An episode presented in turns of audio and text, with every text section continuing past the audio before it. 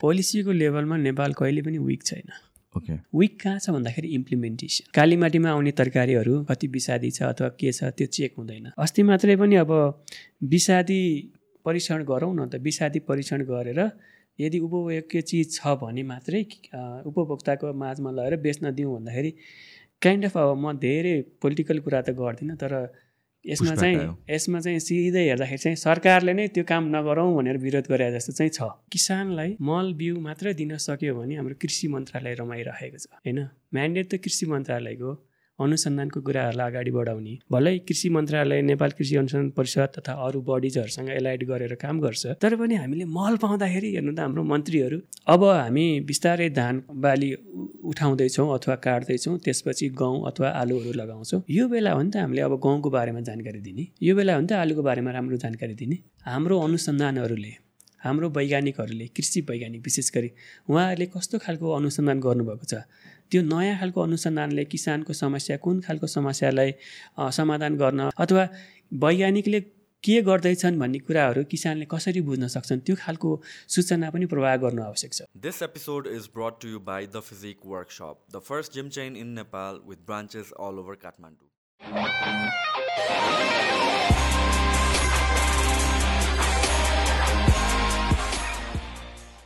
Okay दिनेशजी thank you so much for coming तपाईँको बारेमा एउटा सानो इन्ट्रोडक्सन दिनुहोस् न thank you thank you for inviting me मेरो नाम दिनेश पाण्डे। म नवलपरासी घर अहिले त नवलपुर भन्नु पऱ्यो अनि त्यसपछि म पेसाले एक वैज्ञानिक विशेष गरी कृषि वैज्ञानिक र त्यसमा पनि म माटो विज्ञान सम्बन्धी कार्बन र नाइट्रोजन सक्रिय जुन कृषि पर्यावरणमा नाइट्रोजन अनि कार्बनले चाहिँ कसरी असर गर्छ अथवा एउटा मलखाद व्यवस्थापनको चाहिँ कसरी हेरचाह गर्नुपर्छ भन्ने खालको मूल रिसर्च एजेन्डामा रहेर चाहिँ म माटो वैज्ञानिक रहेको छु। हाललाई म अमेरिकामा रहेको छु। म मेरो मास्टर्स र पिएचडी गरेपछि चाहिँ म एक वैज्ञानिक रूपमा चाहिँ अहिले विशेष गरी चाहिँ रोडेल इन्स्टिच्युट छ जुन चाहिँ कम्प्लिटली अर्ग्यानिक रिसर्च ओरिएन्टेड भएको छ। त्यसमा आबद्ध छु। त्यसका साथसाथ चाहिँ म नेपालमा पनि यो फुडसँग रिलेटेड भएर एग्रिकल्चर र केही युथसँग क्याम्पेन भएको कुराहरूलाई पनि रिलेटेड गरेर चाहिँ बेसिकली चाहिँ एज अ रिसर्चर अथवा अनुसन्धानकर्ताको रूपमा चाहिँ आफूलाई चिनाउन चाहन्छु। ओके सो हामीहरूको आजको topic of conversation definitely surrounding एग्रिकल्चरको कुरा आउँछ होइन? मेबी त्यहाँ थुप्रै डिटेलहरू छ होला जस्तो कि। सोइलको कुरा गऱ्यौँ इन्भाइरोमेन्टको कुरा गऱ्यौँ धेरै थिङ्स छ। बट देन लाइक मैले हुन त पहिलाको पडकास्टहरूमा पनि यो भनेको छु। मेरो अहिलेको करेन्ट कन्सर्न्स भनेको दुइटा कुरामा आउँछ कि इन्डस्ट्रीमा एउटा भनेको चाहिँ education I think that's the burning need अनि अर्को भनेको चाहिँ एग्रिकल्चरको कुरा आउँछ। मोस्टली किनभने फुड सिक्योरिटी अरू केही होइन। एटलिस्ट फुड सिक्योर त हुनु पऱ्यो हामी if if god forbid something happens जो पोलिटिकल लेभलमा भनेर भनेपछि एटलिस्ट हाम्रो ग्रो गरेको क्रप्सले हाम्रो पपुलेसनलाई पुगोस् भन्ने हो। जुन चाहिँ at this point I don't think we are much food secure so where do we start where did we go wrong or यो होल सिनेरी कहाँबाट सुरु गर्दा आउँछ यो कन्भर्सेसन राइट आई थिङ्क फर्स्टमा भन्नुपर्दाखेरि जुन तपाईँले एजुकेसन र फुड सेक्युरिटी अथवा एग्रिकल्चर एज अ बिग स्केलमा हेर्नुभएको छ। मह्म। त्यो कुरालाई लाग्छ मलाई एकदमै कम्प्लिमेन्टरी पार्ट रेज गर्नुभएको छ। कसरी भन्दाखेरि म एउटा इक्जाम्पल दिन्छु। हामी बेसिकली धेरै अगाडि भनौँ न ग्रिन रिभोल्युसन पछि जहाँनिर चाहिँ हाम्रो राइस विट सिस्टम चाहिँ त्यहाँनिरबाट इभोल्भ भएर त्यसलाई चाहिँ हामीले मेन डोमिनेन्ट बनाउँदै आयो। र नेपाल पनि हामी इभन म आफूलाई चिनाउँदा पनि खानामा चाहिँ भात नै हुनुपर्ने राइस नै हुनुपर्ने होइन त्यहाँबाट चिनारी आउँछ। तर त्यसको अर्थ यो होइन कि हाम्रो देश कति विविधता छ। विविधतामा चाहिँ तराईमा धान फल्ला तर पहाडमा हिमाली प्रदेशमा हेऱ्यौँ भने जुवा सरी जौ अम, फाफरहरू त्यसपछि आलुहरू कति फल्छ नि त होइन। त्यस्तै गरी कि पश्चिम ठाउँमा हेऱ्यौँ भने चाहिँ हामी गहुँदेखि लिएर जौ त्यस्तै फल्छ। तर हाम्रो कस्तो भन्दाखेरि हामीलाई चाहिने चिज अथवा हामीले चिन्न चाहने चाहिँ चामल र भात मात्रै भयो। तर त्यहाँनिर चाहिँ हामीले चिन्न नसकेका अरू अन्नहरू अरू बालीहरू जसमा चाहिँ पौष्टिक तत्त्व अथवा न्युट्रिसनल भ्यालु छ। म यस अर्थमा चाहिँ तपाईँले जुन दुईवटा पोइन्टलाई भन्नुभएको छ कम्प्लिमेन्टरी भनेको अर्थ चाहिँ हाम्रो फर्स्ट लेभलमा चाहिँ एजुकेसन त्यहाँनिर कमी भएको छ। हामीले अन्डर युटिलाइज बट न्युट्रिसियस क्रपहरू प्लान्टहरू फुडहरू चिन्न सके छैनौँ अथवा त्यसमा भनौँ न खान सकेको छैनौँ। इक्जाम्पलको लागि अर्को भनेको सिस्नो। सिस्नो पनि एकदमै न्युट्रिसियस भनेको छ होइन? अनि त्यसपछि हाम्रो फुडसँग रिलेटेड भनेको कुनै पनि फुड एउटा पार्टिकुलर भनौँ न सिरियल टाइप अथवा चाहिँ अन्न अनाज मात्रै नभएर फ्रुट पनि हुन आवश्यक छ त्यहाँनिर माछा मासु पनि हुन आवश्यक छ। किनकि हामी त हाम्रो फुडको कुरामा ल्याउँदाखेरि हेल्दी डाइटको कुरा आउँछ। सो बेसिकली फर्स्ट पार्टमा चाहिँ एजुकेसन र फुड सेक्युरिटी एकदमै इन्टरलिङ्क छ। राम्रो पोइन्टमा छ। अनि यसले गर्दाखेरि डेफिनेटली अब हिस्ट्रीमा गएर कट्याउने हो भने त even it was even before I born होइन? धेरै अगाडिदेखि। अनि किनकि एग्रिकल्चर एउटा प्र्याक्टिस नै लङ टाइम अगोदेखिको हो। अनि नेपाल पनि अब धेरै अगाडिदेखिको हाम्रो गोपाल वंशी अथवा महेश महेश पाल यो खालको कुराहरू कहाँनिर जाउँ म पार्टिकुलर ठ्याक्कै भन्न त सक्दिनँ। तर ओभरअल नाइन्टिन एट्टिज सायद त्यो टाइम पिरियडसम्म थियो होला। हामी चाहिँ हाम्रो कन्ट्रीबाट धेरै क्रप प्रडक्सनहरू चाहिँ होइन धेरै खालका क्रपहरू फ्रुटहरू चाहिँ हामी आफैले प्रड्युस गरेकोलाई चाहिँ एटलिस्ट सेल्फ सफिसियन्सी हुन्थ्यो। Even if I'm not wrong होइन बिफोर नाइन्टिन नाइन्टिज त्यो time पिरियडमा Nepal exported some amount of rice to the other countries तर अहिले हेर्नु त अहिले particularly last fifteen twenty years not only rice everything we are borrowing हो। True होइन? So त्यसले गर्दाखेरि चाहिँ अब फुड सेक्युरिटीको विथ ग्रोइङ पपुलेसन यो त एकदमै विकराल अवस्था छ होइन? अब तपाईँले मलाई समय दिनुहुन्छ र यही कुरामा म डाइभ गरौँ भने जस्तो हेरौँ न अहिले हामी कहाँ रमाएका छौँ? हामीले किसानलाई मल बिउ मात्रै दिन सक्यो भने हाम्रो कृषि मन्त्रालय रमाइरहेको छ। होइन? म्यान्डेट त कृषि मन्त्रालयको अनुसन्धानको कुराहरूलाई अगाडि बढाउने।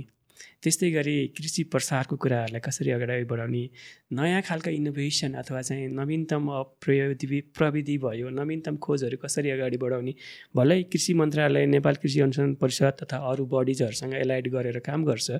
तर पनि हामीले मल पाउँदाखेरि हेर्नु त हाम्रो मन्त्रीहरू कति ताली बजाएर ओहो के के आयो जस्तो गरिन्छ नि। So it has a long route के? सो यु इन जेनरल दुइटा यो इस्युलाई म दुइटा पर्सपेक्टिभबाट हेर्न सक्छु। एउटा भनेको चाहिँ अफकोर्स यो ब्युरोक्रेसी लेभलमा होला पोलिसी लेभलमा होला हाम्रो यहाँको लोकल फार्मर्सको फ्रु फुडहरूले चाहिँ प्रडक्सनहरूले मार्केट पाइरहेको छैन प्राइसिङ यो सबै कुराहरू एउटा फ्याक्टर हुनसक्छ होइन? अर्को फ्याक्टर चाहिँ जुन हिसाबले हामीले कुरा गऱ्यौँ नि त कन्भर्सेसन अनुसारले किनभने पहिला हामी use to be agricultural country farmers यति पर्सेन्ट छ उति यो सबै कन्भर्सेसन पछाडिदेखि सुनेर आएको at this point can it also be because of यो ल्या हाम्रो इन्भाइरोमेन्टको इस्युजहरू मेबी सोइलको इस्युजहरू त्यो त्यसले कतिको कन्ट्रिब्युट गर्छ होला अपार्ट फ्रम किनभने usually when I have this discussion पोलिटिक्सको कुरा आउँछ एन्ड डेफिनेटली त्यसलाई हुन्छ नि इग्नोर गर्न सकिँदैन। त्यो पनि इट्स अ ह्युज पार्ट तर worry about the quality of the soil जहाँ हामी हामी ग्रो गरिरहेको छौँ या इन्भाइरोमेन्ट जहाँ ग्रो गरिरहेको छौँ? ग्लोबल स्केलमा यो कुरा त एकदमै धेरै आउँछ। हाम्रो कन्टेक्स्टमा how big of an issue is that यसमा चाहिँ कस्तो हुन्छ नि हामीले इन्भाइरोमेन्ट इस्यु डेफिनेटली त्यहाँ छ है। वातावरणको प्रभाव किनकि हाम्रो जनसङ्ख्या बढ्दो छ। हामीलाई चाहिँ उपलब्ध रिसोर्सेसहरू स्रोत साधनहरू चाहिँ अधिकतम युज गर्नु छ किनकि हाम्रो आवश्यकता पुरा गर्नु छ। त्यसले गर्दाखेरि वातावरणमा नयाँ नकारात्मक प्रभाव परेको छ। र यो प्रभाव पर्न थालेको केही वर्ष अगाडिदेखि अहिले मात्र होइन। लगातार रूपमा परे भएको थियो। यति मात्र फरक हो कि यसको मात्रा हुन्छ नि। त्यो चाहिँ अहिले बढेको किनकि हामीले अहिले चाहिँ काइन्ड अफ नेचुरल रिसोर्सेस अथवा available रिसोर्सको kind of too much extraction अथवा युटिलाइज गर्दैछौँ होइन? त्यसले गर्दा डेफिनेटली तपाईँले इन्भाइरोमेन्टल डिग्रिडेसनसँग क्लाइमेट चेन्जको कन्डिसनहरू रिलेट गर्न सकिन्छ। त्यस्तै गरी डेफिनेटली यसले चाहिँ असर पार्ने अहिले चाहिँ सोइलको क्वालिटीको अथवा सोइल डिग्रिडेसनको कुराहरू हामी तराईमा हेऱ्यौँ भने हाम्रो प्रत्येक वर्ष बाढी पुछ्याइले गर्दाखेरि चाहिँ कति उर्वर माटोहरू बगेर गएको छ। किनकि माटो छ भन्दैमा पनि भएन नि। माटोमा पनि विभिन्न प्रकारको त्यसको पनि विभिन्न आफैमा चाहिँ यसको विशेषता हुन्छ। कुन माटोले कस्तो कुरालाई सपोर्ट गर्न सक्छ? मैले भन्न लागेको उर्वर माटोहरू छ भने कृषिलाई सपोर्ट गर्छ। केही माटोमा चाहिँ अब उर्वर अलिकति कम छ भने त्यसले सायद वनलाई सपोर्ट गर्ला। होइन वन जङ्गललाई सपोर्ट गर्छ। अनि त्यस्तै गरी अर्को अर्को खालको माटो होला त्यसले चाहिँ चरणलाई सपोर्ट गर्छ। त्यसले गर्दाखेरि चाहिँ माटोको वर्गीकरणहरू छ। तर सबैभन्दा मेन कुरा चाहिँ हाम्रो अति उर्वर भएको माटो जुन चाहिँ एकदमै रेडी टु फ्राइजाइल अथवा चाहिँ रेडी टु लस हुन्छ कि? भनौँ न त्यो हा सानो हावा चले पनि अथवा ठुलो हावा चले पनि बा हावाको जस्तो एयर सरी एउटा इरोजनको डिफ्रेन्ट फर्म अफ इरोजन होइन? एयर इरोजन अथवा चाहिँ वाटर इरोजन त्यो कुराहरूको कुराले गर्दाखेरि अथवा एयर इरोजनलाई विशेष गरी वाइ विन्ड इरोजन भनिन्छ। त्यो अथवा चाहिँ वाटर इरोजनको केसले गर्दाखेरि त एउटा फर्टाइल सोइल एक ठाउँमा थियो भने त्यो सोइल त अर्को ठाउँमा मुभ भयो नि त। अब हामीले न त त्यसलाई कलेक्ट गर्न सकिन्छ न त त्यसलाई चाहिँ व्यवस्थापन पनि गर्न सकिन्छ एच इट इज कन्डिसनमा तर यहाँनिरको आवश्यकता के हो भने हामीले चाहिँ त्यसको पहिला महत्त्व बुझ्नु पऱ्यो के हुँदैछ त्यो प्रक्रिया थाहा पाउनु पऱ्यो अनि त बल्ल हामीले चाहिँ त्यसलाई कस्तो खालको म्यानेजमेन्ट चाहिन्छ कस्तो खालको स्ट्राटेजी अप्नाउनु पर्छ त्यसमा जान सकिन्छ। सो हामीले जुन अघि कन्भर्सेसन आयो कि this is because of over एक्सट्र्याक्सनको कारणले पनि that's a huge contributing factor जसले गरेर चाहिँ the quality of soil itself नै बिग्रिँदै गएको छ भनौँ न। त्यसलाई अब बेटर नपारिकन आई थिङ्क यो झन् झन् झन् वर्स हुँदै जान्छ र प्रोडक्टिभिटी झन् घट्दै जाने होला। सो यसको सल्युसन के हुनसक्छ इन अ वे कि लाइक पपुलेसन त बढेछ डिमान्ड त बढे नै छ। ल्यान्ड हामीसँग लिमिटेड नै हुन्छ। So very went wrong was over extraction तर गर्नुपर्ने चाहिँ कसरी म्यानेज गर्न सकिन्थ्यो होला यस्तो कुरा? अघि तपाईँले मलाई प्रश्नमा राख्नुभएको थियो मैले अलिकति रेस्पोन्स गर्न बिर्सेको थिएँ। जस्तो ग्लोबल स्केलमा हेर्दाखेरि विश्व खाद्य तथा फुड एन्ड एग्रिकल्चर अर्गनाइजेसन युएनको फुड एन्ड एग्रिकल्चर अर्गनाइजेसनले चाहिँ ग्लोबल सोइल चाहिँ कुन कन्डिसनमा छ र त्यसको चाहिँ थ्रेड भनेर चाहिँ टेन डिफ्रेन्ट ग्लोबल थ्रेड चाहिँ आइडेन्टिफाई गरेको छ। अनि नेपालको केसमा हेर्दाखेरि जस्तो कुन कुन कुदाहरू स्पेसल्ली सोइल इरोजन होइन जसमा चाहिँ पानीबाट र हावाबाट दुवै तरिकाले हुन सक्ने भयो। सोइल इरोजनको कुरा त्यस्तै सोइल एसिडिफिकेसन त्यो भनेको माटो अम्लीय हुन गएको। त्यसले पनि हाम्रो अनाज उत्पादनमा चाहिँ असर पारेको। अनि त्यस्तै गरी चाहिँ हाम्रो माटोमा भएको अर्ग्यानिक म्याटर अथवा चाहिँ प्राङ्गारिक पदार्थ त्यसको मात्रा घटेको। किनकि प्राङ्गारिक पदार्थ चाहिँ एक खालको चाहिँ माटोलाई चाहिँ माटोभन्दा पनि माटोमा रहेर बिरुवालाई दिने चाहिँ उर्वर शक्ति दिन सक्ने त्यो एउटा भनौँ न हामीले जुन न्युट्रियन्ट भन्छौँ त्यो न्युट्रियन्टको भण्डार जस्तै हो। त्यो पनि घट्दै गएको। अनि त्यसपछि चाहिँ अलिकति हाम्रो अब धेरै त पर्दैन तर कतिपय माटो हाम्रो पनि माटोहरू चाहिँ बिस्तारै चाहिँ उर्वरबाट चाहिँ कम उर्वर अथवा चाहिँ अति नै उर्वर शक्ति घट्दै गएको त्यस्तो डिजर्टतिर चेन्ज हुन गएको केही माटोहरू त्यस्तो रहेको छ भनेको यसले गर्दाखेरि ग्लोबल स्केलमा हेर्दाखेरि चाहिँ सोइल चाहिँ चेन्जिङ फर्ममा छ। अब यहाँनिरको अर्जेन्सी भनेको चाहिँ फर्स्टमा चाहिँ हामीले बुझौँ हाम्रो कुन ठाउँको सोइल के अवस्थामा छ। र यसमा कामहरू नभएको पनि होइन काम भइरहेको छ तर जुन आवश्यक मात्रामा भनौँ न अब तपाईँले मेन्सन गर्नुभयो पपुलेसन ग्रो त्यहाँ छँदैछ। त्यसले ल्याएको चाहिँ फुड प्रोडक्सन हामीले फुड प्रोडक्सन बढाउनु पर्नेछ फुड निड मिट गर्नुपर्नेछ। अब प्रड्युस गर्न सकिएन भने उपाय भनेको एउटा मात्रै एक्सपोर्ट नै हो होइन? अब त्यो पनि कतिसम्म गर्ने किनकि धेरै कुराहरू एक्स फुड एक्सपोर्ट गर्दाखेरि फुड मात्र होइन त्यहाँनिर एनर्जीको कुरा आउँछ त्यहाँनिर इकोनोमीको कुरा आउँछ होइन? त्यसपछि कन्ज्युमर अथवा एउटा उपभोक्ताले चाहिँ त्यसलाई कन्ज्युम गर्न सक्ने पर्चेस गर्न नसक्ने नसक्ने त्यो चाहिँ इकोनोमीको डिटेलमा कुरा आउँछ नि त। हामीले जे जे कुरा निर्यात गर्छौँ त्यो निर्यात गर्दाखेरि हामीले के किनिँदैछ मात्र पनि होइन नि। सो ओभरअलमा चाहिँ म चाहिँ के भन्न चाहन्छु भने पहिला चाहिँ हाम्रो माटो बुझौँ।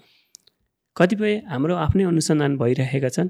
कतिपय अरू देशका अरू क्षेत्रीय अनुसन्धान भएका त्यो कुराहरू जुन चाहिँ हाम्रोमा लागू गर्न सकिन्छ। भनाइको अर्थ अहिले चाहिँ माटोमा चाहिँ सोइल हेल्थ भन्ने एउटा कन्सेप्ट अति नै पपुलर छ। र त्यसले राम्रो मेसेज पनि दिएको छ। जसरी हामी ह्युमन हेल्थको बारेमा डक्टरसँग जाँदाखेरि चाहिँ हामी कहिलेकाहीँ एटलिस्ट स्टार्टिङमा के गर्छौँ? ब्लड प्रेसर चेक गर्छ डक्टरले बडी टेम्परेचर मेजर गर्छ होइन? त्यो भनेको मिनिमम जस्तै सोइलमा पनि प्रत्येक वर्ष हामी क्रप ग्रो गर्दाखेरि मिनिमम एटलिस्ट थाहा पाउँ न हामी पहिला के ग्रो गरेको थियौँ। त्यो ग्रो गरेको क्रपले चाहिँ कति न्युट्रियन्ट लियो होला भन्न लागेको। विशेष गरी हामी गहुँ जस्तो अन्न उत्पादन गर्दैछौँ भने त्यो गहुँ जस्तो आफै बिरुवाको नेचरले गर्दाखेरि चाहिँ त्यसले अलिकति धेरै जमिनबाट चाहिँ न्युट्रियन्टहरू लिने गर्छ। तर केही गेडागुडी खालको दाल दलहन खालको त्यस्तो खालको क्रपहरू लगाइयो भने तिनीहरूले माटोमा भएको त लिन्छन्। तर तिनीहरूले चाहिँ एउटा नाइट्रोजन फिक्सेसन भन्ने हुन्छ क्या जुन चाहिँ वायुमण्डलमा भएको नाइट्रोजनलाई त्यो नाइट्रोजन चाहिँ एउटा अर्ग्यानिक फर्म र पछि गएर इनअर्ग्यानिक फर्म भन्छ। ओभरअलमा चाहिँ माटोमा चाहिँ अठारवटा तत्त्वहरू चाहिन्छ जुन चाहिँ हाम्रो हामीलाई चाहिँ शरीरमा चाहिने carbohydrate fat and sorry mineral भने जस्तै माटोमा अठारवटा तत्त्वहरू चाहिन्छ। सो नाइट्रोजन चाहिँ एउटा मुख्य पनि हो। जब हामीले दाल दलवनको बिरु बालीहरू लगाइन्छ त्यसले चाहिँ माटोबाट त्यसले केही लियो होला तर त्यसले माटोलाई दिएर पनि जान्छ। र एउटा प्र्याक्टिस एकदमै हामीले देखेको चाहिँ जस्तो हामी धान गहुँ मकै काट्दाखेरि हामी चाहिँ अब जमिनबाट माथि हेर्नुभयो भने थोरै मात्र जहाँनिर चाहिँ हामीले हात समाउन सकिन्छ त्योभन्दा बढी चाहिँ माटोमा छोड्दैन अथवा जमिनमा छोड्दैन। तर त्यो बालीले चाहिँ माटोबाट लिएको छ। हामी अन्न त लिन्छौँ तर अन्न सँगसँगै अरू जस्तो मकैको ढोँड भयो धानको पराल भयो हामी त्यो हार्भेस्ट गर्छौँ। भन्दाखेरि धेरै चिजहरू हामीले लिएको छौँ। हामीले त्यति नै मात्रामा माटोलाई ब्याक गरेको छैनौँ। जसले गर्दा त्यो रिसाइक्लिङ हुन पाएको छैन। त्यो प्रत्येक वर्ष हामी ग्रो गर्छौँ नि। ग्रो गर्दाखेरि चाहिँ अब हामी प्रडक्सन चाहिँ हाई एक्सपेक्ट गर्छौँ। तर चाहिँ हामीले सोचेअनुसार चाहिँ काम नगरेको पनि हुनसक्छ। र कारणहरू के हुन्छ भने हामी कति दिँदैछौँ माटोलाई हामीले कति लिँदैछौँ र फेरि पनि हामीले कतिलाई कति परिपूर्ति गर्दैछौँ त्यो कुराको एउटा चेक एन्ड ब्यालेन्स गर्न सकिएन बुझिएन भने डेफिनेटली हामीले चाहेको एउटा हुन्छ र अर्को वेमा गइरहेको हुन्छ। सो यो जुन यो माटोको क्वालिटीको कुरा आयो यसलाई सर्टन क्रप्सहरू जुन दालहरू यिनीहरू भन्नुभयो त्यसले त अझ छोडेर पनि जान्छ भन्नाले त्यसले अलिक बेटर पारेर जान्छ। सो एउटा ग्रो गर्दाखेरि protocol is it to grow different crops yeah cycle गर्नुपर्ने हो? यस कस्तो भन्दाखेरि साइकल हुँदाखेरि अति नै राम्रो हुन्छ। जस्तो कुनै किसानले एउटा दस वर्षको साइकल हेरौँ। दसैँ वर्षभरि मकै मकै मकै लगाउँदै गयो भने अघि तपाईँले सुरुमा पनि मेन्सन गर्नुभएको थियो। कस्तो हुन्छ नि एउटा कुनै लेभलको भ्याक्सिनको कुनै डोज दियो दिइराख्यो केसलाई? एदर एनिमललाई भनौँ अथवा प्लान्टलाई एउटा न्युट्रिसन त्यो लेभलमा दिइराख्यो भने केही लेभलपछि अथवा केही समयपछि त्यो भ्याक्सिनको डोज पनि त्यो काम नगरेको हुन्छ एनिमलको केसमा होइन। भनेको काइन्ड अफ रेसिस्टिभिटी डेभलप गरिसकेका हुन्छ। यो सेम एप्लाइज लाग्छ हाम्रो बिरुवामा चाहिँ कहीँ कतै कुनै रोग लाग्यो र रोगको उप उपचारको लागि त्यही नै औषधि प्रयोग गर्थ्यौँ त्यही नै विषादी प्रयोग गर्थ्यौँ। आफ्टर सेभरल इयर्स त्यो विषादीले काम नगर्न सक्छ। किनकि त्यो माइक्रो अर्गानिजमहरू अथवा त्यो जुन रोग हो तिनीहरूले पनि बिस्तारै आफ्नो रेसिस्टिभिटी बढाउँदै गएको हुन्छ। र यहाँनिर रह्यो जब एउटा किसानले दस वर्षसम्म एउटै बाली लाउँछ भने उत्पादन बढ्ला उसको म्यानेजमेन्ट अथवा व्यवस्थापनको प्रक्रियाहरूले गर्दा तर अब चाहिँ त्यो बिस्तारै ससेचुएबल हुने चान्स पनि छ त्यहाँ। र त्यसैको लागि बाली चक्रिय भन्छ। जस्तो हामी हेरौँ भने म बेसिकली तराईको मान्छे हाम्रोमा अब कि खेतमा हेर्दाखेरि हामी धान लगाउँछौँ धानपछि गहुँ अथवा आलुहरू लगाउँछौँ अनि त्यो पनि हार्भेस्ट गरेपछि चाहिँ मकै लगाउँछौँ भन्दाखेरि एउटा मकै धान गहुँ त्यो एउटा साइकल बन्दै गएको छ। अब अहिले मैले एउटा इक्जाम्पल चाहिँ अमेरिकामा जहाँ रहन्छु त्यहाँको इक्जाम्पल दिएँ भने त्यहाँनिर अब कस्तो हुन्छ नि वर्षमा चाहिँ मुख्यतया एउटा मात्रै सिजन ए सरी एउटा मात्रै क्रप लिन्छ जस्तो मकै लगाइयो भने मकै। कुनै किसानले वान इयर जस्ट मकै लगायो अनि खाली खाली खाली भनेको फ्यालो फ्यालो फ्यालो। अनि कुनै किसानहरूले मकै लगाएपछि कभर क्रप हुन्छ जो चाहिँ जमिन ढाक्नको लागि जस्तो अलिकति बाक्लो झार जस्तो देखिन्छ तर त्यसले कम्तीमा चाहिँ पानीहरू चाहिँ लस हुन दिँदैन वाटर लस हुन दिँदैन र कहिलेकाहीँ चाहिँ यस्तै इरोजन भयो भने चाहिँ इरोजन हुन गरेन किनकि ग्राउन्ड त प्रोटेक्टेड छ नि त कभर छ नि त। त्यसले गर्दाखेरि त्यस्तो हुन्छ। So again back to the your question cropping cycle अथवा cropping system is very necessary so यो र त्यो यहाँ प्र्याक्टिस हुन्छ? हुन्छ। इट्स लाइक स्ट्यान्डर्ड नै हो प्रायः स्ट्यान्डर्ड भन्दा पनि कस्तो हुन्छ नि हाम्रो रिसोर्सेसहरू जस्तो मैले देख्न त पाएको छैन तर कोसीतिर कुनै ठाउँहरूमा जहाँनिर पानी अति पाइन्छ त्यहाँनिर चाहिँ इभन चैते धान पनि लगाउनुहुन्छ। भनेको हामी धान त बर्खामा लाउँछौँ नि खास नेपालमा तर चैतमा पनि उहाँहरूले धान लगाउन सक्नुहुन्छ भनेको त्यहाँनिर पनि तिन चार बाली त हार्भेस्ट हुन्छ नि। सो हामीले त्यो खालको क्रपिङ प्याटर्नलाई यता तराईतिर अर्को ठाउँमा कम्पेयर गऱ्यो भने चाहिँ नमिल्न सक्छ। सो स्ट्यान्डर्ड प्रोटोकल त भन्दिनँ तर जेनरल प्र्याक्टिस प्रोटोकल अथवा प्र्याक्टिस वे चाहिँ हो। सो एउटा वान वे भनेर भनेको चाहिँ क्रप्स नै अल्टरनेट गरेर क्वालिटी सोइलको क्वालिटी इम्प्रुभ गर्न सकिने। सकिन्छ। त्यो बाहेक अरू के छ अप्सन्स जस्तो अब त्यसमा पनि अलिकति बुझ्ने भाषामा भन्दाखेरि जस्तो ल अघि मैले गाउँको इक्जाम्पल दिएँ। गाउँले चाहिँ न्युट्रियन अलिकति सोचेर लिन्छ। जमिनमा छोड्नुको सट्टा जमिनबाट धेरै लिन्छ। तर एउटा त्यो लगाएपछि गेडागुडीवाला कुनै भनौँ न अर्को चाहिँ लेग्युमिनस क्रप भन्छ त्यसलाई। जस्तो गहुँहरूको वर्गलाई चाहिँ सिरियल भन्छ। र धान गहुँ चाहिँ सिरियल क्याटेगोरीमा भयो।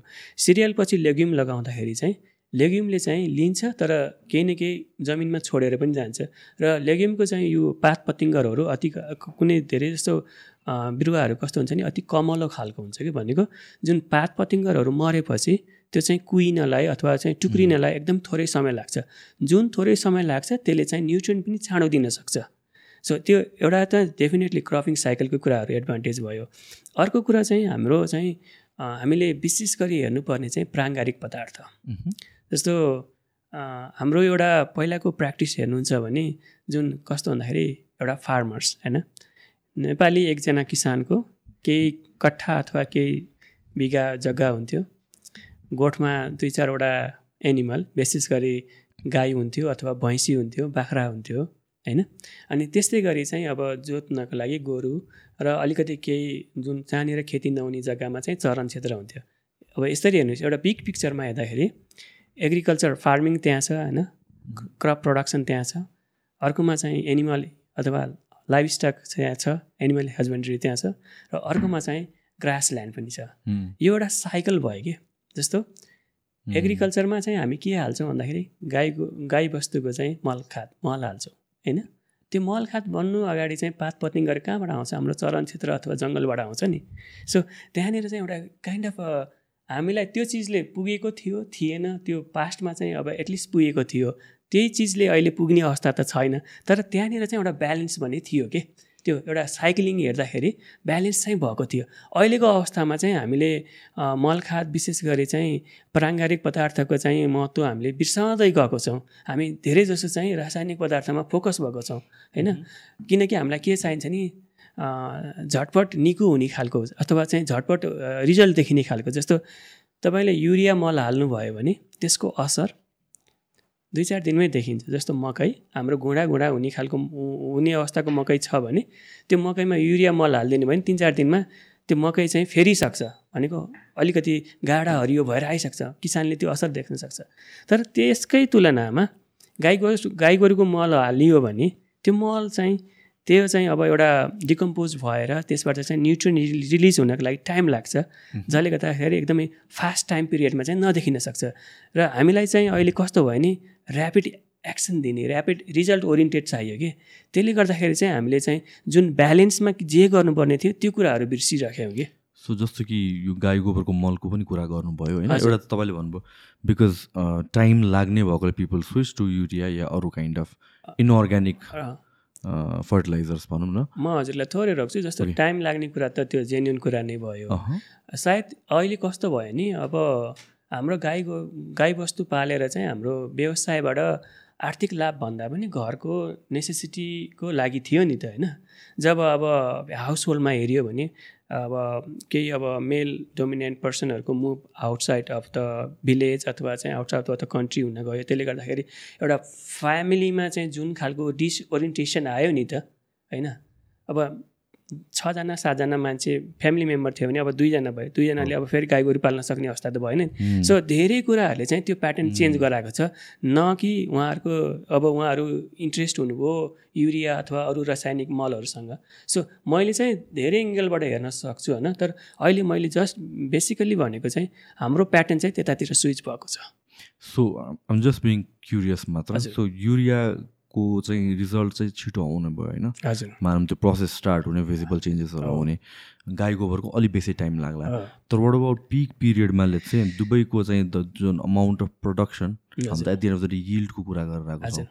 सो यिल्डको रिजल्ट चाहिँ सिमिलर नै हुन जान्छ कि त्यसमा पनि again it's different very interesting question र मलाई एकदमै मजा लाग्छ यो क्वेसनसँग डिल गर्न होइन? अनि किन भन्दाखेरि यो भनेको नट ओन्ली तपाईँ र तपाईँ जस्तो हामी सबैले हो नि किनकि मैले अहिले म यही विषयमा अलिकति अध्ययन गर्दै गएँ अहिले केही कुराहरू बुझेको छु।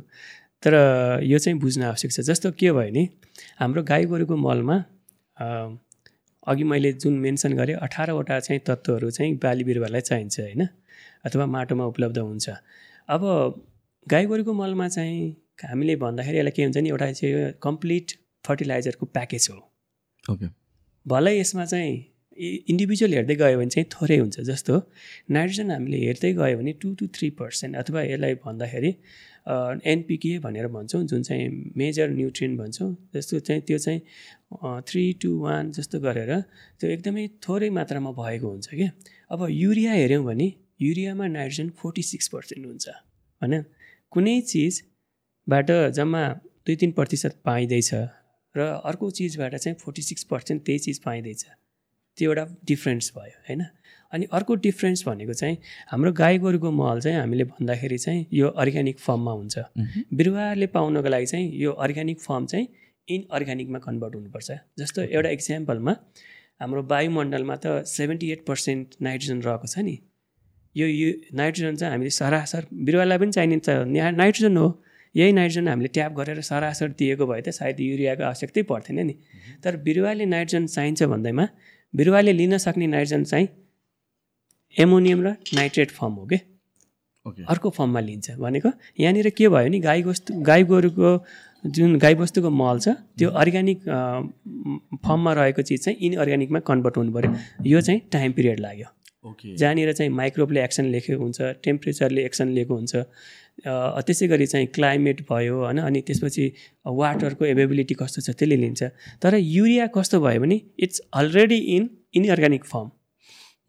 जस्तो हामीले यो कपमा अहिले सुगर हाल्यो नि सुगर हालेपछि त टक्क घोलिदिएपछि गुलियो आयो नि त। उफु लिएर आएर उफु यस्तो हार्भेस्ट गरे भए कति होइन। कुन टाइम लाग्थ्यो नि एउटा एफिसियन्सीको कुरा पनि आयो not just after fertiliser use गरिसकेपछि क्रपमा के हुन्छ होइन कि त्यो फर्टिलाइजर प्रिपरेसनकै एफिसियन्सीको कुरा पनि आयो। राइट अनि यसमा चाहिँ अर्को कुरा के जोडिन्छ भने फेरि पनि मेरो मेसेजको अर्थ यो नलागोस् कि बालीलाई युरिया मात्र चाहिन्छ होइन। हाल्ने हिसाबले हेर्ने हो भने चाहिँ गाई गोरुको मल अति नै राम्रो किनकि त्यसमा युरिया मात्र सरी नाइट्रोजन मात्र नभएर अरू फस्फरस पोटासियम क्याल्सियम सल्फर यस्तो चिजहरू पनि पाइन्छ। तर हामीले युरिया आजको दिनमा युरिया बोकेर आयो भने urea hundred percent just nitrogen sources के। जस्तो अर्को मल छ एउटा एमोनियम फस्फेट भन्ने। जसमा चाहिँ अब युरियाको लागि सरी नाइट्रोजन पनि छ र फस्फोरसको फस्फेट पनि छ होइन? जस्तो त्यो कुन फर्मको फर्टिलाइजरहरू छ त्यो हेर्न सकिन्छ। र अर्को कुरो चाहिँ के हुन्छ नि अब प्राइसको पनि डिफ्रेन्स छ। प्रडक्सन पनि अब आजको दिनमा हेर्नुहुन्छ नि हामी नेपालले अझ पनि कुनै पनि रासायनिक मल बनाउन सकेको छैनौँ। तर प्राइमेरिक मलहरू त हाम्रो बनिरहेको छ। र अर्को कुरो चाहिँ अब त्यही चिज दुई ट्र्याक्टर लिएर जानु पऱ्यो त्यही चिज चाहिँ दुई बोरा लिएर गए पनि हुने भयो होइन? मैले तपाईँलाई जस्ट एउटा भिजुलाइजेसन गर्न दिएको। अब फिल्डमा हालियो होइन? एउटा क्रप ग्रो गरेछौँ मानौँ मकै उत्पादन गर्दैछौँ।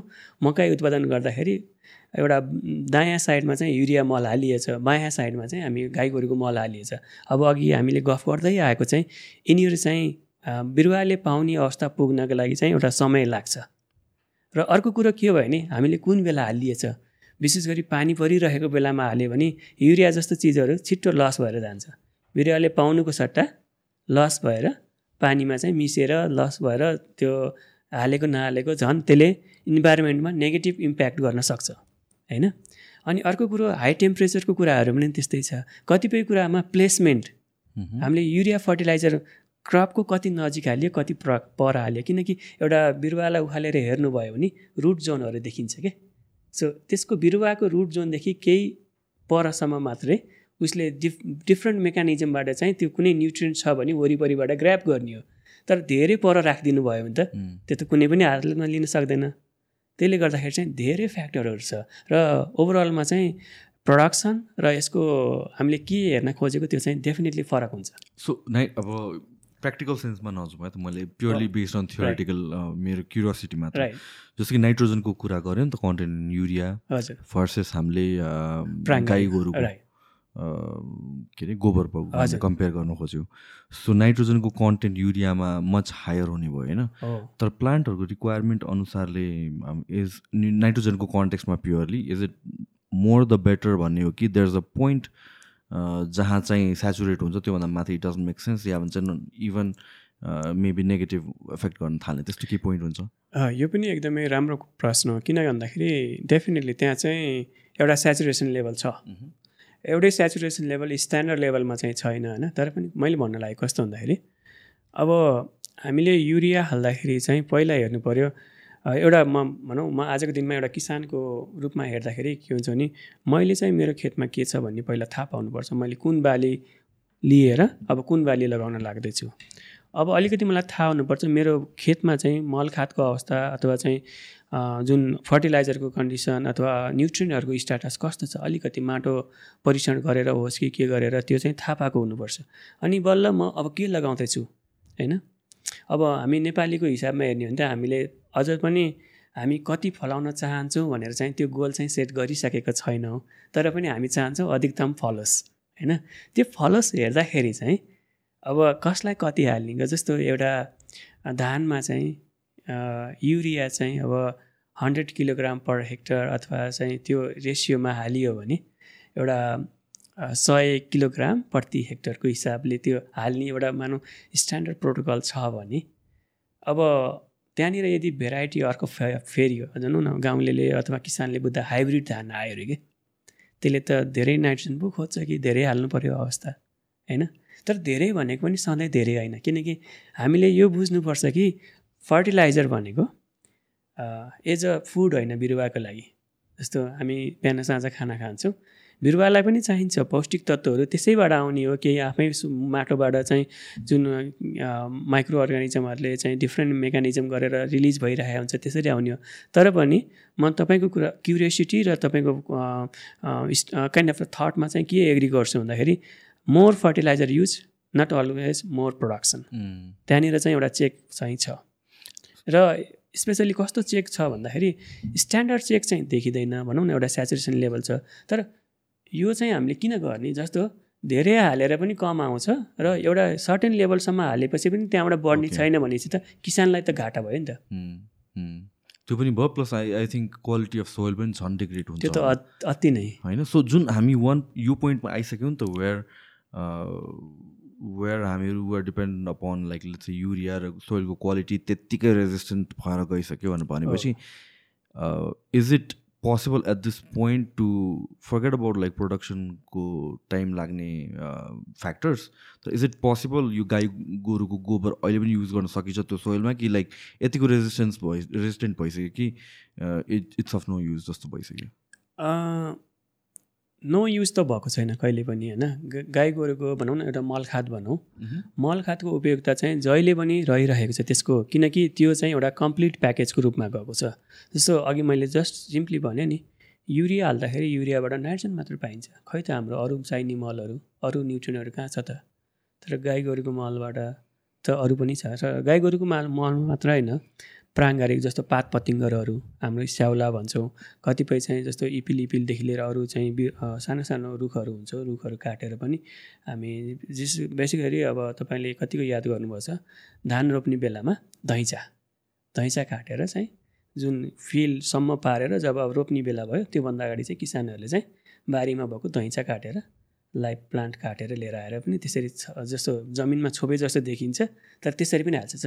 गाई गोरुको मल मात्र होइन अरू पनि स्रोतहरू छन् जुन प्राङ्गारिक स्रोतहरू। यो चाहिँ आवश्यकै छ। अहिले पनि इट्स नट लाइक युरिया मात्र भएर पुग्दैन। पुग्दैन। ओके। र युरिया मात्र होइन युरियादेखि लिएर अरू फर्टिलाइजरहरू पनि छ अरू फर्टिलाइजर पनि किसानले हाल्नुहुन्छ। तर मे यसरी बुझौँ हामीले चाहिँ रासायनिक मलहरू मात्रै हालेर पुग्दैन। यसलाई एउटा सन्तुलित गराउनको लागि प्राङ्गारिक मलहरू पनि हाल्नु आवश्यक छ। ओके सो बेसिकली मैले बुझाएअनुसारले चाहिँ कम्बिनेसन अफ बोथ हो अहिले चलिरहेको चाहिँ। होइन युरिया पनि युज हुन्छ टु सम सर्टन एक्सटेन्ट तर अगेन यो गाईको गोरुको गोबर भयो अझ पत्ताहरू भयो यिनीहरू अर्ग्यानिक मटेरियल या फर्टिलाइजरहरू पनि युज भइ नै रहेको छ। जस्तो भइ नै राखेको छ जुन आवश्यक थियो अथवा चाहिँ जति मात्रामा हुनुपर्ने त्यो चाहिँ कम भएको छ। जस्तो कस्तो भयो भने हामी स्पेसल्ली काठमाडौँ भ्याली अथवा वरिपरिको ठाउँ हेऱ्यो भने यहाँको किसानहरू चाहिँ भेजिटेबल प्रडक्सनमा अति नै इन्ट्रेस्टेड हुनुहुन्छ। भेजिटेबल प्रडक्सन भनेको तपाईँको हाई भ्यालु जस्तो टमाटरको उत्पादन तिन महिना चार महिनामा मजाले हार्भेस्ट गर्न सकिन्छ। धान पनि अब चार पाँच महिनामा त हुन्छ किनकि हाम्रो एउटा क्यालेन्डर हेऱ्यो भने असार साउनमा लगाएर हामीले चाहिँ असोज कार्तिकमा चाहिँ धान हार्भेस्ट गर्छौँ होइन। सो तर धानको जति मूल्य पर्छ अथवा चाहिँ धान जति चाँडो बिक्री हुन्छ अब यतापट्टि भेजिटेबल हेऱ्यो भने त भेजिटेबल कति चाँडो बिक्री हुन्छ नि त। सो यहाँनिर के हो भने किसानहरू चाहिँ भेजिटेबल ग्रो गर्न इन्ट्रेस्ट भएको किसानहरूले चाहिँ प्राङ्गारिक पदार्थको चाहिँ अति नै कम प्रयोग गर्न थाले। उहाँहरूले चाहिँ युरिया हाल्ने जस्तो भनौँ न कहिलेकाहीँ म सुन्नमा आउँथेँ टक्क काउली लगायो एक चम्चा मल हाल्यो। अर्को काउलीको बेलामा अर्को चम्चा मल। अनि दुई हप्तापछि फेरि अर्को चम्चा हाल्यो होइन? बिरुवा त हरियो बाक्लो गाडा हरियो देखिन्छ र त्यसले सायद कुनै हदमासम्म ठुलो उत्पादन पनि दिएको छ। तर याद गरौँ माटोबाट चाहिँ विभिन्न मेकानिजम भएर चाहिँ न्युट्रियन्टहरू प्लान्ट हुँदै आएर हामीले कन्ज्युम गर्ने पार्ट जस्तो काउलीको चाहिँ फुल खान्छौँ भने टमाटरको चाहिँ अब टमाटरको दाना खान्छौँ होइन? त्यो खाँदाखेरि त हामीलाई त्यो प्लान्टमा चाहिँ हुने न्युट्रियन्ट त एउटा छँदैछ। तर हामीलो हाम्रो एउटा भनौँ न उत्पादनको प्रक्रिया जहाँनिर चाहिँ हामीले धेरै मल हालेको थियौँ भने चाहिँ त्यसले त धेरै मलहरू त त्यो उत्पादनमा पनि देखायो नि त कन्ज्युम गर्ने पार्टमा कि? जस्तो काउली हामीले किन भनिदिन्छ जस्तो काउली चाहिँ यो मल धेरै हालेको छ भनेपछि त्यसले हानि गर्न सक्छ नि त हाम्रो शरीरलाई त कुनै तरिकाले हानि गर्न सक्छ नि त त्यो चाहिँ छ। अनि अन टप अफ द्याट जति बेसी युज गरेँ किन हुन्छ एउटा हामीले यसरी हेर्छौँ होला नि त लेट्स चाहिँ मलाई एक्ज्याक्टली कुन वेमा मेजर गर्न चाहेँ लेट्स चाहिँ लेभल फाइभ चाहिन्छ अरे। एउटा क्रपको लागि लेभल फाइभ चाहिन्छ भनेपछि आई वुड अज्युम मोस्ट फार्मरले ए लेभल फाइभ भनेर ठ्याक्क नाप्दैन कि उनीहरूले चाहिँ just level ten twelve fifteen राखिदिन्छ जस्ट फर सिक्योरिटी या भनौँ न एउटा इन्सुरेन्स पर्पजको लागि कि यति सुड बी एनफ चाहोस् नचाहोस् for example maybe in a case of अहिले भइरहेको एन्टिबायोटिक रेजिस्टेन्सको कुरा आउँछ जहिले पनि। So kind of like maybe रुगाको औषधले ठिक हुन्थ्यो होला तर जस्ट फर सेफ्टी पर्पज या भन्छ जस्ट फर इन्सुरेन्स एन्टिबायोटिकले त हन्ड्रेड पर्सेन्ट स्योर नै ठिकै हुन्छ भनेर माथिको डोज खाइदियो अन्त पछि रेजिस्टेन्स बिल्डअप हुँदै आयो नि त। So same thing happens with soil पनि होला वेयर एउटा एक्स अमाउन्ट अफ लेभल चाहिन्थ्यो तर फर भनौँ न केयरलेसनेस भनौँ या इन्सुरेन्सको पर्सपेक्टिभले बेसी राखिदियो तर त्यसपछि भएर के भयो भने चाहिँ कन्सिक्वेन्सेस सोइलमा आउने भयो सोइल डिग्रेड हुँदै जाने भयो होइन? सो अब यत्रो हामीले अब गरिसक्यो कसरी यो स्टेजमा आयो हामीले त बुझ्यौँ। यसलाई अन्डु गर्न सकिन्छ र अन अन्डु गर्न सकिन्छ पनि कुन पर्सपेक्टिभमा भने चाहिँ we can talk about it एउटा थियोरिटिकल पर्सपेक्टिभमा हेर्नुहोस्। जस्तो कि भयो अघि हामीले कुरा गर्दाखेरि क्रपकै कुरा गर्दाखेरि भातको कुरा आयो भातभन्दा त मोर न्युट्रिसन भने अरू फुडहरू छ भनेर। होइन र भात पहिला खाँदा पनि खाइन्थ्यो नेपालमा पहिला अरू फुडहरू खाइन्थ्यो। तर at this point I mean it's practically impossible to convince everyone कि लेट स्विच ब्याक टु त्यो फुड पिपल विल प्रिफर अगाडि छ भने भात नै प्रिफर गर्छ होइन? सो सेम थिङ यो कुरामा पनि सोइलको क्वालिटी इम्प्रुभ गर्ने भनेर कन् कन्टेक्स्ट कुरा गऱ्यो हामीहरूले there might be methods as well कतिको प्र्याक्टिकल छ? यो मेथड्सहरू के हो first of all and then कतिको प्र्याक्टिकल छ रिभर्स द्याट भन्नु राइट अब फर्स्टमा पार्ट चाहिँ अन्डु होइन? अन्डुको पार्ट चाहिँ गाह्रो छ है। यो प्र्याक्टिकल्ली र थ्योरिटिकली पनि सोचिँदैन। किन भन्दाखेरि प्रायः जसो कुराहरू हामीले एउटा भनौँ न जेसुकै चिजहरू गर्दाखेरि चाहिँ बिगार्न चाहिँ सजिलो फेरि त्यसलाई बनाउन चाहिँ धेरै गाह्रो कि होइन?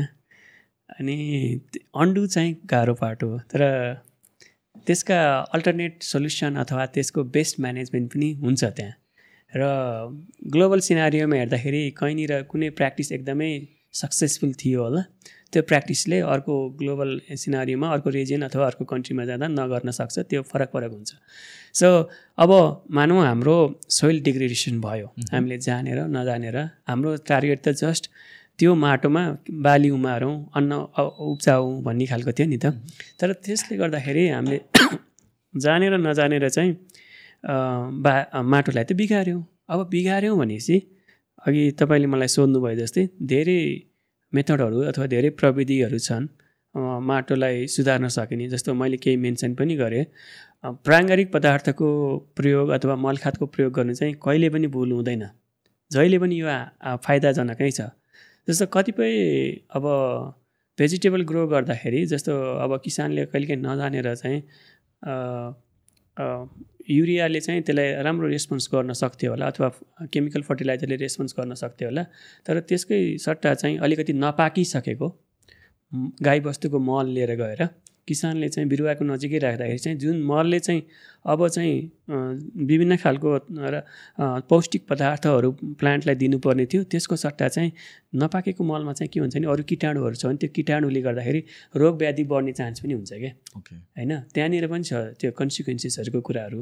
र अर्को कुरो चाहिँ अब हाम्रो प्र्याक्टिसहरू जस्तो प्र्याक्टिस भनेको कस्तो भन्दाखेरि अघि तपाईँले सुरुमा पनि मेन्सन गर्नुभयो चक्रिय बाली चक्रिय प्रणाली चाहिँ अति नै आवश्यक छ।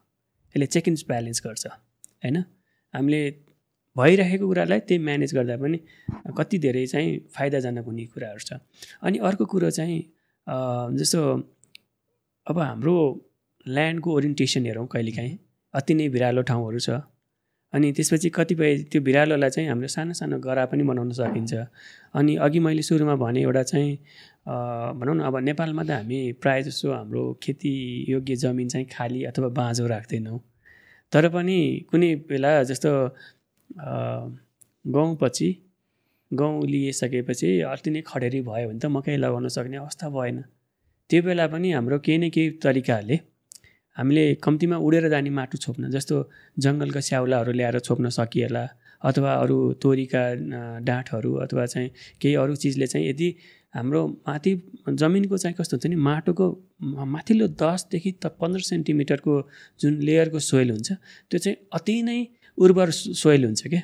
जुन माथि करिकरी देखिन्छ नि त्यो नै सबैभन्दा बढी उर्वर हो। सो त्यसलाई ढाक्नु अति नै आवश्यक छ होइन? अघि तपाईँले भन्नुभयो नि हामी अन्डु त जान सक्दैनौँ। तर अरू म्यानेजमेन्ट प्र्याक्टिसेसहरू चाहिँ यहाँनिर छ। र म चाहिँ आजको दिनमा चाहिँ रासायनिक मल हाल्न हुँदैन भन्दिनँ आवश्यक छ। तर बुझेर हाल्नुपर्छ हाम्रो बालीले कति सहन सक्छ? हामीले के फलाउँदैछौँ? त्यो बुझ्नु आवश्यक छ। यस्ता धेरै कुराहरू छ जसले गर्दाखेरि चाहिँ म्यानेजमेन्ट गर्न सक्ने। अनि कस्तो छ भने हामी चरणको ठाउँ हेरियो भने कुनै ठाउँमा चाहिँ हामी लगातार हुनसक्छ। बाह्रै महिना त्यही ठाउँमा मात्रै चराउन लैजान्छौँ। भनेको कुनै पनि बेलामा चाहिँ चरण क्षेत्रलाई खाली राखेर अथवा फ्री हुनै दिएको छैनौँ कि जतिखेर पनि त्यहाँबाट जे छ चिज सानो मुना छ जे छ खालि हार्भेस्ट गरेर चाहिँ एनिमलले खा खाएछ भने त्यसलाई त फ्री हुन दिनु पऱ्यो एकछिन चाहिँ त्यसमा भेजिटेसन ग्रो हुनको दिनु पऱ्यो भनेको यसलाई राम्रो चाहिँ के हुन्छ नि अब रोटेसनल ग्रेजिङ भन्छ। कुनै महिना चाहिँ कुनै ब्लकमा चराउने अर्को ब्लक अर्को वर्ष चाहिँ अथवा चाहिँ अर्को महिना अर्को ब्लकमा चराउने त्यसले गर्दाखेरि के हुन्छ भने गाईबस्तुले पनि चरिरहेको छ फरक फरक क्षेत्रमा।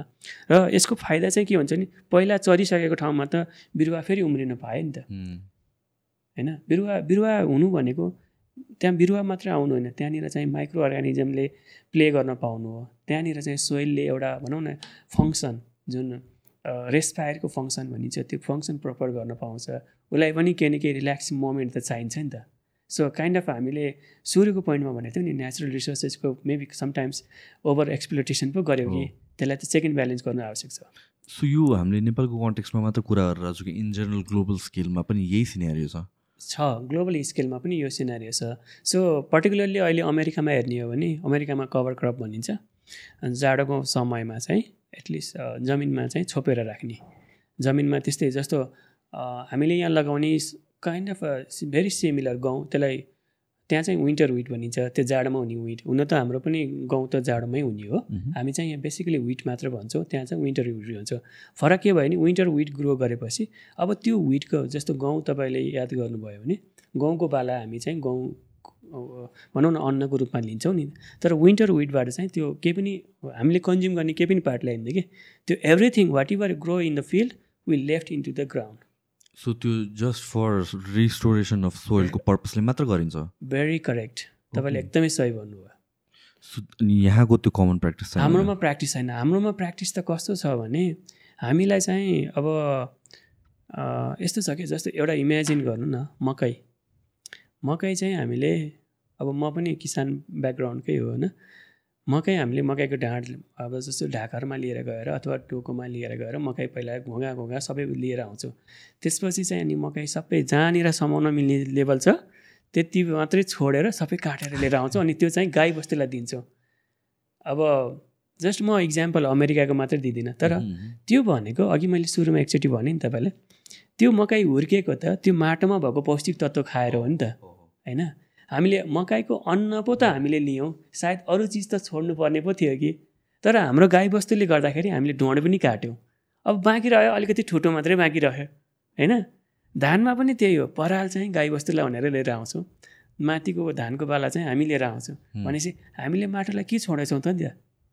सो हाम्रो कतै न कतै प्र्याक्टिस चाहिँ अलिकति हामीले चाहिँ सुधार्नु आवश्यक छ। जस्तो यसको आवश्यकता भनेको हामीले सानो सानो डाँडा काँडामा अथवा वन जङ्गलमा यो फोडर भनिन्छ गाईबस्तुलाई घाँस हुने रुखहरू अलिकति धेरै लगायौँ भने सायद हाम्रो यो धानतिरको मकैतिरको हाम्रो जुन हामीले गाईबस्तुलाई भनेर ताकेका छौँ नि त्यो चिज त्यो चिज चाहिँ सायद हामीले जमिनमै राख्न पायौँ भने त कति राम्रो। अनि अर्को कुरा हेर्नुहोस् गहुँको केसमा गहुँ चाहिँ किसानले चाहिँ गहुँ हार्भेस्ट गरिसकेपछि अब लयो गहुँको चाहिँ त्यो टुडो के के भनिन्छ होइन आफ्नो ठाउँ अनुसार आगो लगाइदिन्छ। होइन? त्यसलाई फेरि रिटर्न ल्याउनु पर्ने थियो राइट अब त्यस त्यसलाई चाहिँ जमिनमा मिसिन दिएको भए होइन हुन त आगो लाउनु प्र्याक्टिस पनि नराम्रो चाहिँ होइन है फेरि। कस्तो भन्दाखेरि हामीले कहिलेकाहीँ बाहेचार भनिन्छ नि चार बाहेचार त्यो पनि पूर्णतया आगो बनिसक्यो होइन तर त्यो कोइलाहरू त्यसमा चाहिँ केही कार्बन मेटेरियल छन्।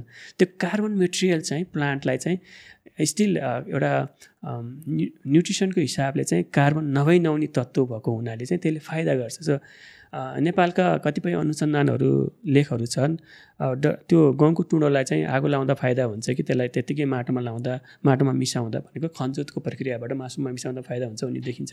सो त्यहाँनिर चाहिँ अब ब्याक एन्ड फोर्थको कुराहरू चाहिँ छ तर ओभरअलमा सिम्पली हेर्ने हो भने त्यो आगो लाउनु प्र्याक्टिस चाहिँ हानिकारक चिज हो। सो जुन यो विन्टर क्रप जुन रिस्टोरेसनको लागि चाहिँ अमेरिकामा गरिन्छ भन्नुभयो त्यो नेपालमा कतिको पोसिबल छ? र जुन गरिरहेको छैनौँ हामीले त्यो प्र्याक्टिस कमन प्र्याक्टिस होइन।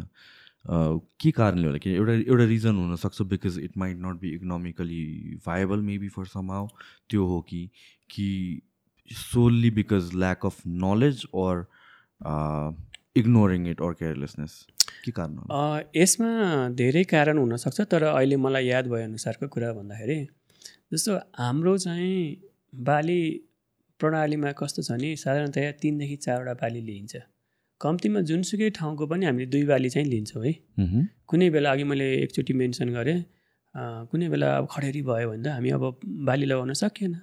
सो त्यस्तो बेलामा चाहिँ रहन्छ र आवश्यक के छ भने कहिलेकाहीँ मानौँ हामी तिन बाली लिने खालको हाम्रो जमिन जग्गाहरू छ भने कुनै वर्ष चाहिँ हामीले एकचोटि ब्रेक चाहिँ गर्नुपर्छ। ब्रेक गर्दा के हुन्छ भने अघि हामीले एकचोटि विषादीको पर्सपेक्टिभबाट कुरा गऱ्यौँ तर ब्रेक लाउँदा कस्तो हुन्छ भने मानौँ रोगहरू किराहरू चाहिँ दुई दुई दुईवटा तहमा रहेको हुन्छ। एउटा चाहिँ एक्टिभ स्टेजमा एउटा चाहिँ प्यासिभ स्टेजमा। जब स्पेसल्ली एउटा रोग ल्याउने एउटा किटाणु अथवा चाहिँ एउटा प्याथोजन भनौँ न प्याथोजन छ नि अब गाउँमा लाग्ने एउटा रोगको उदाहरण लिउँ अथवा धानमा लाग्ने जस्तो धानमा खैरा डिजिज भनिन्छ खैरे रोग। खैरे रोग एउटा प्याथोजनले ल्यायो। वर्षैभरि गाउँ धान लगाइराख्यो भने चाहिँ त्यो रोगहरू उब्जिन अथवा उल्झिन सक्ने सधैँ चान्सेस भयो नि त। तर कुनै वर्ष हामीले धान लगाएनौँ भने त्यो पनि एउटा मेथड हुनसक्छ कि अब कस्तो हुन्छ नि धान हुँदा त्यो प्याथोजन चाहिँ एक्टिभ भयो बालीलाई असर गर्यो। तर धान नहुँदा पनि अरू अरू बालीमा गएर चाहिँ जस ऊ चाहिँ बाँचेर मात्रै बस्छ कि? जब धान पाउँछ एक्टिभली उसको चाहिँ पुरै त्यो फ सेना बढाए जस्तो खालको तरिकाले ध्वस्त पार्ने भयो। तर धान नहुँदाखेरि चाहिँ ऊ जस्ट बाँचेर बसिरहेको हुन्छ कि? तर कुनै हाम्रो क्यालेन्डरमा चाहिँ कुनै वर्ष चाहिँ हामीले धान पनि लगाइदिएनौँ भने त त्यो त झनै बाँच्न सक्ने चान्सेस त घट्दै घट्दै गयो नि त। र अघि तपाईँले मेन्सन गर्नुभएको थियो इकोनोमिक पोइन्ट अफ भ्यू होइन? नेपालमा चाहिँ अब हाम्रो प्राकृतिक हिसाबले हेर्दाखेरि अथवा प्रकृतिले दिएको रूपमा चाहिँ हामीले करिब करिब भन्नुपर्छ तिन बाली चाहिँ धेरै ठाउँमा लिन सक्छौँ। सायद अब यसरी खाली राखियो भने चाहिँ किसानलाई चाहिँ केही न केही इकोनोमिक लस त पक्कै हुन्छ। होइन हाम्रो अहिलेको प्रडक्सन के छ भने लार्ज स्केलमा अथवा चाहिँ एकीकृत जग्गा बनाएर गरेको खेतीपातीहरू धेरै कम छ। होइन? अब म पनि अब हाम्रो खेतकै कुरा गर्ने नि हाम्रो करिब करिब एक बिघा जस्तो जमिन चाहिँ हामी खेतीपाती गर्छौँ। अब हामीलाई त खानु पुगेको छ अलिकति बेच्न पनि पुग्छ। तर सबै किसानहरूको यही अवस्था त छैन नि त किनकि नेपालको ओभरअलमा हेर्ने हो भने करिब करिब जिरो पोइन्ट सिक्स अथवा zero point three hectare per farmers the land holding size चाहिँ अति नै सानो छ होइन? भनौँ न अब दाजुभाइ छुट्टिँदाखेरि अथवा चाहिँ सन्तानहरू छुट्टिँदा अथवा जग्गाको एक टुक्रीकरण हुन्छ। त्यही जग्गामा जमिन खे घर खेतहरू घरहरू घडेरीहरू बनेको छ। त्यसले गर्दा त हामीलाई लस त कहाँ कहाँ लैरहेको छ। सो यो प्याटर्न चाहिँ हामीले चाहिँ अलिकति जनचेतनाको हिसाबले बुझेर जब हामीले बुझिन्छ नि सायद केही न केही कुरामा हामी रिक्स लिन पनि सक्छौँ। सो अब अलिक वाइडर पर्सपेक्टिभबाट कुरा गरौँ अब वाइडर पर्सपेक्टिभबाट कुरा गर्दाखेरि भन- भनेपछि हामी we're talk about food security हजुर। सो यो हामीले माइक्रो लेभलमा त हेऱ्यौँ। सोइलको प्रोडक्सनको कुरा या क्रपको प्रोडक्सनको कुरा। फुड सिक्योर हुनु पऱ्यो भने हामी वेयर डज इट स्टार्ट अब ग्लोबलको कुरामा सायद हामी टु थाउजन्ड फिफ्टीमा हामी करिब करिब टेन बिलियन पपुलेसन एक्सपेक्ट गर्दैछौँ होइन?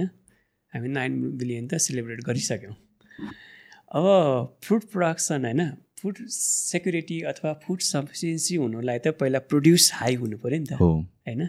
उपलब्ध हुनु पऱ्यो सुरुमा।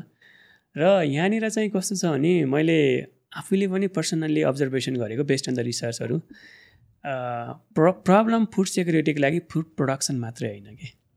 फुड डिस्ट्रिब्युसन फुड स्टोरेज भनेको आजको दिनमा पनि हामी ग्लोबल स्केलमा हेऱ्यौँ भने करिब करिब थर्टी थ्री पर्सेन्ट चाहिँ फुड लस भएको छ। त्यो फुड लस कहिलेकाहीँ जस्तो अमेरिका जस्तो देशमा चाहिँ अहिले हामीले सिनारियो हेऱ्यौँ भने अमेरिकामा चाहिँ फुड प्रोडक्सन चाहिँ कहिले पनि इनसफिसियन्सीहरू अथवा इनसेक्युरिटीको प्रब्लम छैन त्यहाँ। त्यहाँ चाहिँ ओभर प्रोडक्सन छँदैछ तर त्यहाँ फुड लस्ट वेस्टेज चाहिँ हाई छ। अब नेपालमा हेर्ने होला हेर्दाखेरि चाहिँ हामीलाई सायद खाना पुगेको ठाउँ पनि छ होला कतिपय ठाउँमा। कतिपय ठाउँमा पुगेकै छैन। हाम्रो हुम्ला जुम्लाको कुरा गऱ्यौँ भने त यसले त हेलिकप्टरमा लगेर त्यही पनि त्यो चामल पुर्याउँदाखेरि कति कुहिएको चामल पुग्छ होइन? सो अर्को कुरा चाहिँ के छ भने यहाँ ह्यान्डलिङको कुराहरू भयो प्रोसेसिङको कुराहरू भयो स्टोरेजको कुराहरू भयो र वेस्टेज त्यसलाई एकीकृत रूपमा हेर्दाखेरि करिब करिब एक तिहाई हामी जुन प्रड्युस गर्छौँ नि त्यो एक तिहाई त हामीले खानु अगाडि नै लस भएको छ। र म एउटा नै नै यो ग्लोबल कुरा ग्लोबल स्केलमा। अनि यसले अहिलेको पपुलेसनलाई हेर्निन्छ भने त्यो वान थर्ड लस हुँदाखेरि यदि त्यो वान थर्डको चाहिँ प्रपर युटिलाइजेसन हुनु पाएको भए करिब करिब टु बिलियन पपुलेसनलाई चाहिँ पुग्थ्यो। अहिले हामीले चाहिँ फुड इन्सेक्युरिटी अथवा फुड हङ्गर जति एक्स नम्बर दिएर पपुलेसन डिस्क्राइब गर्छौँ नि त्यसमा चाहिँ टु बिलियन चाहिँ घट्ने थियो। सो ग्लोबल स्केलमा चाहिँ प्रोडक्सन मात्र होइन त्यसको डिस्ट्रिब्युसन स्टोरेज ह्यान्डलिङ पनि अति नै आवश्यक छ। र यहीँनिर एउटा कुरा जो जोइन गर्न चाहन्छु जस्तो चाहिँ हामीहरूले चाहिँ बेसिकली हामी सिरियलहरू र भेजिटेबलहरू अलिकति धेरै ग्रो गर्छौँ कम्पेयर टु द फ्रुटहरूको कुरामा होइन? किनकि हेल्दी डाइट भन्दाखेरि त धेरै कुराहरू आवश्यक छ। सबै कुराहरू आवश्यक छ तर पनि सिरियल अन्न अनाजहरू मात्रै उत्पादन धेरै गर्छौँ। जहाँनिर चाहिँ फ्रुटहरूको कम गर्छौँ। सो त्यो कुराको पनि चेक इन ब्यालेन्स अथवा चाहिँ इम्ब्यालेन्स चाहिँ छ। सो यो जुन थर्टी थ्री पर्सेन्ट लस हुन्छ भनेर भन्नुभयो के कन्ट्रिब्युटिङ फ्याक्टर कसरी लस हुन्छ? अब सिम्पली यसरी हेर्नुहोस्। लस भनेको मैले जस्ट लसलाई चाहिँ वेस्ट एउटा पार्ट भयो र अर्को चाहिँ ह्यान्डलिङ जस्तो ह्यान्डलिङको कुरा के भन्छ नि हामीले मकै हार्भेस्ट गर्दाखेरि अब नेपालमा हेरियो भने मकै चाहिँ हामी करिब करिब हरियो हुँदा हार्भेस्ट गर्छौँ भनेको टोटल्ली ड्राई होइन कि? हरियो हुँदा ड्राई हार्भेस्ट गर्छौँ अनि खोस्टाउँछौँ। खोस्टाएपछि घोगा घोगा मात्रै सुकाउँछौँ। एउटा सुकाउनु भनेको त्यहाँतिर मोइस्चर लस गराएर करिब करिब अब किसानले ठ्याक्कै मेजर त गरिँदैन तर त्यहाँनिर हेर्ने भने टेन टु फिफ्टिन पर्सेन्ट आसपासको चाहिँ मोइस्चर हुन्छ मकैमा। र ड्राई भएपछि त्यो चाहिँ अब स्टोरेज गर्नको लागि उपयोग छ। र मानौँ किसानले मकै हार्भेस्ट गर्यो अब चाहिँ सुकाउनको लागि घाम परेको दिनै पाएको छैन। भनेपछि त्यो प्याथोजनले एट्याक गर्ने त चान्सेस भयो नि त। त्यो मकै अलिकति पछि गएर सुक्न पाउँथ्यो भने त्योभन्दा अगाडि चाहिँ किराले एट्याक गरेर त्यो मकै चाहिँ बिग्रिसक्न सक्छ। होइन? एउटा अब ह्यान्डलिङको कुरा गर्नुहुन्छ भने कतिपय चाहिँ स्टोरेजको कुराहरूमा जस्तो भेजिटेबलहरू हाम्रो भेजिटेबलहरू हामी they are perishable in nature भनिन्छ। भनेको एकदमै चाँडो डिग्रेडेड हुने कन्डिसनमा छ। सो भेजिटेबल काइन्ड अफ जस्तो टमाटरको कुरा लिनुभयो भने टमाटर लामो दुरीसम्म ढुवानी गर्ने छ भने किसानले करिब करिब पाक्नु अगाडिको हरियो हुँदा नै हार्भेस्ट गरे हुन्छ। नजिकै पठाउने हो भने उसले रातो भएर मात्रै पठाउँछ। किनकि त्यो रातो भइसकेपछिको टमाटरको लाइफ भनेको तिन चार दिन अथवा बढीमा एक हप्ता हुन्छ। र त्यहाँनिर चाहिँ हाम्रो जब हाम्रो कोल्ड स्टोरेज अथवा चाहिँ प्रपर टेम्परेचर मेन्टेन हुन सकेन अथवा नेपाल जस्तो आजको दिनमा चाहिँ टेम्परेचर अथवा सरी एनर्जी अथवा इलेक्ट्रिसिटीको फ्लक्चुएस भयो भने त हाम्रो त्यो स्टोरेजमा पनि कति प्रब्लम आउँछ। सो ह्यान्डलिङ स्टोरेज होइन प्रोसेसिङको कुरामा पनि जस्तो पोट्याटो चिप्स भन्ने त पोट्याटोबाटै हो नि त। होइन? त्यो डिफ्रेन्ट स्टेजहरू पार गर्दाखेरि कुनै स्टेजमा चाहिँ मिस्टेक भयो बाई इरर आइदर टेक्निकल अथवा मेकानिकल फल्ट केही भयो भने त्यसले पनि ओभरअलमा त लस लिएर आयो नि त। सो मैले चाहिँ लस भन्दैमा सिम्पली लस मात्र होइन कि त्यहाँ कलेक्टिभ लस हो। जुन लस यसरी बुझौँ कि हामीले त्यसलाई कन्ज्युम गर्न नपाएको लस सो इभन डेभलप्ड कन्ट्रिजमा पनि यो इस्यु छ भनेपछि रेफ्रिजरेसनहरूको हाम्रो सल्युसन कुरा नेपालमा त अब it's not viable at all at this point तर even in these developed countries economically पनि दे आर भेरी गुड र उनीहरूलाई चाहिँ they have the kind like एउटा अप्सन टु हुन्छ नि सकिन्छ भने चाहिँ वाइ नट सेभ जुन लस भइरहेको छ भनेपछि त्यहाँ पनि यो रेफ्रिजरेसन एन्ड यो इस्युहरूले गरेर थर्टी थ्री पर्सेन्ट लस हुनु भनेको द्याट्स म्यासिभ म तपाईँको कुरामा एग्री गर्छु तर थर्टी थ्री लस चाहिँ एउटा पर्टिकुलर कन्ट्रीलाई टार्गेट गरेर चाहिँ नभनौँ। ग्लोबल स्केल ग्लोबल स्केल हो। Okay so I think like सबै कन्ट्रिजको कन्ट्रिज लाइक आवरले पनि एभरेज गर्छ होला राइट जस्तो अघि तपाईँले मेन्सन गर्नुभयो नेपालमा चाहिँ स्टोरेजको लागि स्टिल हामी त्यो लेभलमा पुगेको छैनौँ। सायद हाम्रो त्यो फ्याक्टर चाहिँ हाई हुन पुग्यो। सो मेबी हाम्रोमा बेसी लस हुन्छ होला अरू कन्ट्रिजको कम्पेरिजनमा अन एभरेज चाहिँ थर्टी थ्री पर्सेन्ट चाहिँ जस्तो हाम्रोमा डेफिनेटली हामी प्रोडक्सन कम गर्छौँ। त्यसमाथि पनि हामी चाहिँ जोगाउन सकेन भने त हाम्रो लस त धेरै भयो नि त त्यत्तिकै पनि। So again coming back to नेपालको कन्टेक्स्टमा चाहिँ अब यो अब पोलिसी लेभलमा हेर्नुपर्ने हुन्छ होला कतिवटा कुरा। सिन्स तपाईँ यहाँ लोकली पनि वर्क गरिरहनु भएको छ के कुरा भइरहेको छ लाइक कन्सिडरिङ अल दिज फ्याक्टर्सहरू होइन पोलिसी लेभलमा चाहिँ के कुरा काम अलरेडी भइरहेको छ के कुरामा काम हुन बाँकी छ? एउटा कुरा चाहिँ टु बी अनेस्ट विथ यो पोलिसीको लेभलमा नेपाल कहिले पनि विक छैन। ओके भेरी स्ट्रङ कतिपय पोलिसीहरू हामी नेपालकै अब पोलिसी मेकर साइन्टिस्ट रिसर्चहरू बनाएका छौँ। कतिपय पोलिसीहरू कन्सल्टेन्ट हायर गरेर सो म चाहिँ पोलिसीको कुरामा चाहिँ नेपाल कहिले पनि विक देख्दिनँ। विक कहाँ छ भन्दाखेरि इम्प्लिमेन्टेसन होइन त्यसलाई कन्टिन्युसन दिने। एउटा कुरा भने जस्तो अहिले मात्रै छ सात महिना अगाडि पनि आएको प्रब्लम हो। कालीमाटीमा आउने तरकारीहरू कति विषादी छ अथवा के छ त्यो चेक हुँदैन। कालीमाटी आउनुभन्दा अगाडि सायद विदेशबाट आएको भने नाकामा चेक इभन गाउँबाट आएको भने अहिले हेर्नु न अहिले हाम्रो देश सङ्घीयतामा जाँदाखेरि त्यो गाउँबाट आएको अन्न अनाजहरू चाहिँ निर्यात गर्दाखेरि चाहिँ कर चाहिँ लिन हिचिचाउँदैनन् होइन गाउँपालिका होस् नगरपालिका। तर तिनीहरूले हेर्नुपर्ने त सेक्युरिटी अथवा सेफ्टी पनि हेर्नुपर्ने हो नि त। क्वारेन्टाइन पनि हेर्नुपर्ने हो नि त।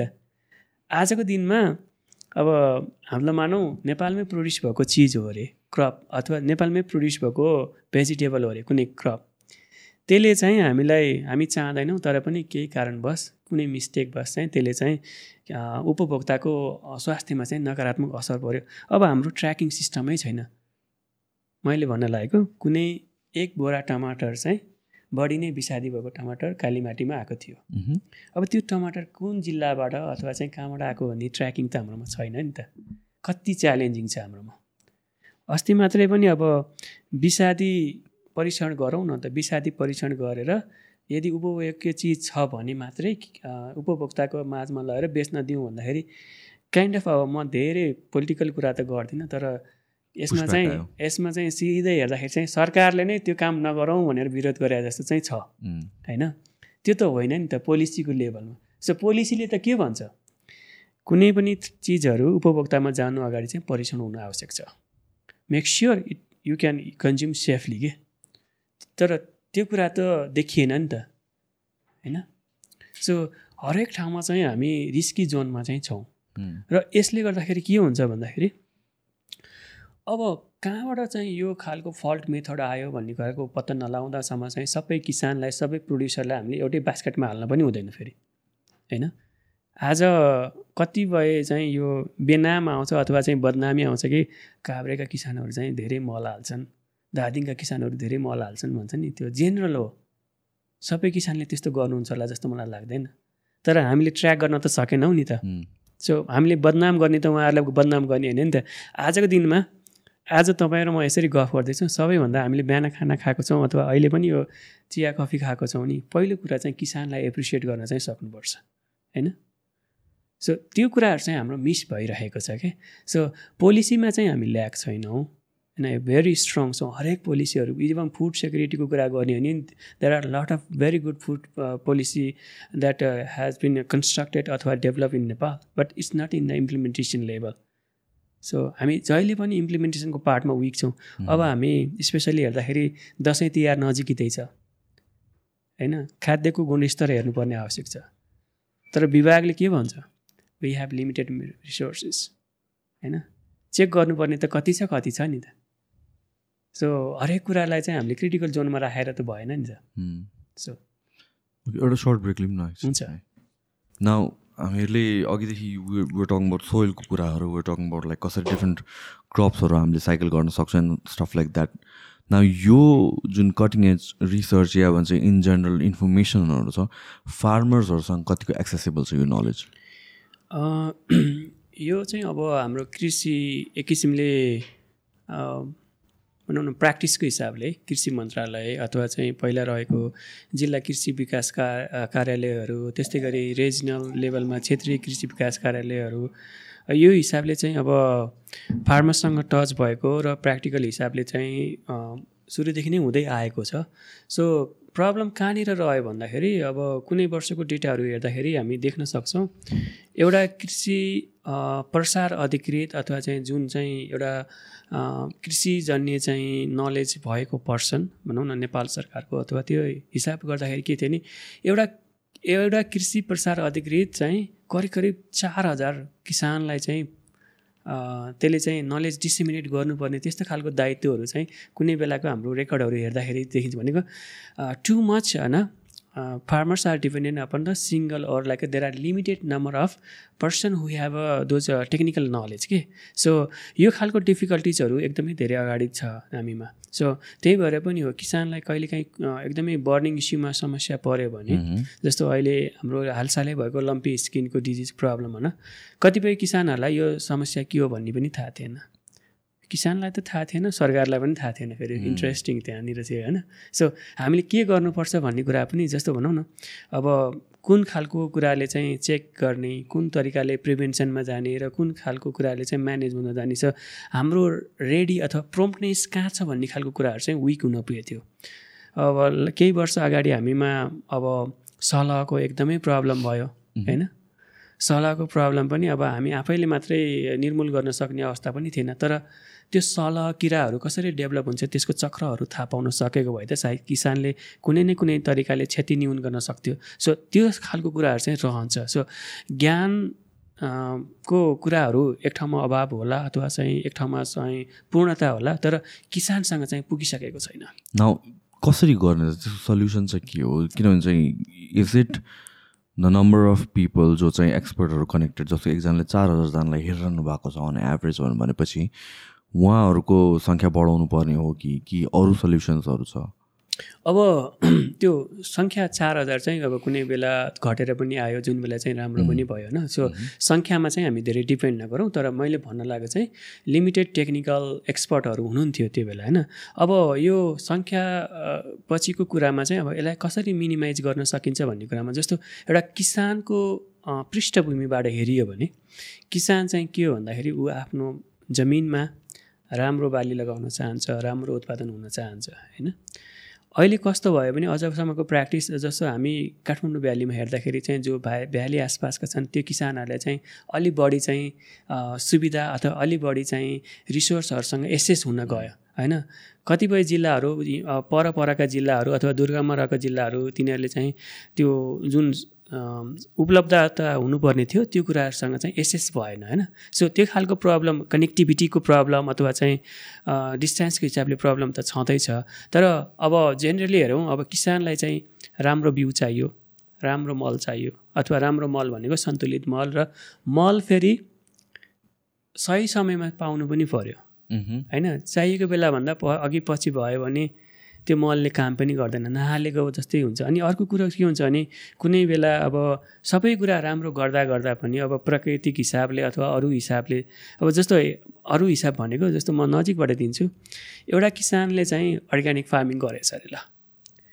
त्यसको केही पाँच मिनटको दुरी पर चाहिँ अर्को किसानले चाहिँ अधिकतम मल खादहरू हाल अधिकतम अब विषादीहरू हाल्ने अधिकतम चाहिँ रासायनिक मल हाल्यो भन्छ। सो प्राङ्गारिक कृषि अथवा चाहिँ अर्ग्यानिक फार्मिङ गर्ने किसानलाई चाहिँ जहिले पनि च्यालेन्जिङ भयो कि? होइन? उसले आफूले त हालेको छैन तर हाम्रो यस्तो छ कि हाम्रो एउटा दस कट्ठा अथवा चाहिँ हामी एउटा दस हेक्टर एरिया हेरौँ ल दस हेक्टर एरिया हेऱ्यो भने त्यसमा घ जग्गा धनी कतिजना हुन्छ हेर्नु त? सो त्यो खालको प्रब्लम चाहिँ हाम्रो ठाउँमा छँदैछ भनेको यो प्रब्लम कहाँनिर मैले जोड्न लागेको भन्दाखेरि इन्सेक्टिसाइड पेस्टिसाइडको प्रब्लम के? होइन? एउटा किसानले चाहिँ आफ्नोमा समस्या देखेर हालेको छ। अर्कोमा चाहिँ त्यो समस्या छ छैन अथवा चाहिँ अर्को रोग छ। तर पनि त्यो चाहिँ हावाको माध्यमबाट अरू माध्यमबाट चाहिँ त्यो किसानको पनि बालीमा चाहिँ प्रभाव परेको छ। त्यस्तै गरी हाम्रो किसानहरूले चाहिँ सबैभन्दा एकदमै हेलचेक्राइ ल पुऱ्याएको अथवा चाहिँ अलिकति ज्ञान नभएको कारणले गर्दा पनि हो। हामीले चाहिँ आय व्यय अथवा इकोनोमिक्स एउटा सिम्पल फर्मको इकोनोमिक्स पनि हेर्दैनौँ कि? जस्तो धान लगाउने किसानले खनजोत गर्दा कति खर्च भयो? होइन? अरू बेला चाहिँ अब खेतरा लगाउँदा अथवा चाहिँ कामदारहरू लगाउँदाखेरि एउटा बाली लगाएदेखि बाली फसल काट्दासम्म चाहिँ कति आय व्यय भयो यदि केही बेच्न पुग्ने छ भने बेच्दा कति भयो? इभन घरको मान्छेहरूले त्यसलाई कन्ज्युम गरेको छ नि कम्तीमा मेरो यति उत्पादन चाहिँ भएको थियो है भन्दै। त्यो खालको इकोनोमिक्स चाहिँ हामीलाई आवश्यक छ न सिम्पल इकोनोमिक्स अनि अर्को कुरो चाहिँ अब बिउकै कुरामा म अलिकति डिटेलमा जान्छु यसमा होइन। तपाईँले मलाई समय दिनुभयो नि र मलाई चेक पनि गर्नु होला इनकेस म लामो गऱ्यो भने। सो अहिले चाहिँ किसानहरू चाहिँ हाइब्रिड बिउमा चाहिँ आकर्षित छन्।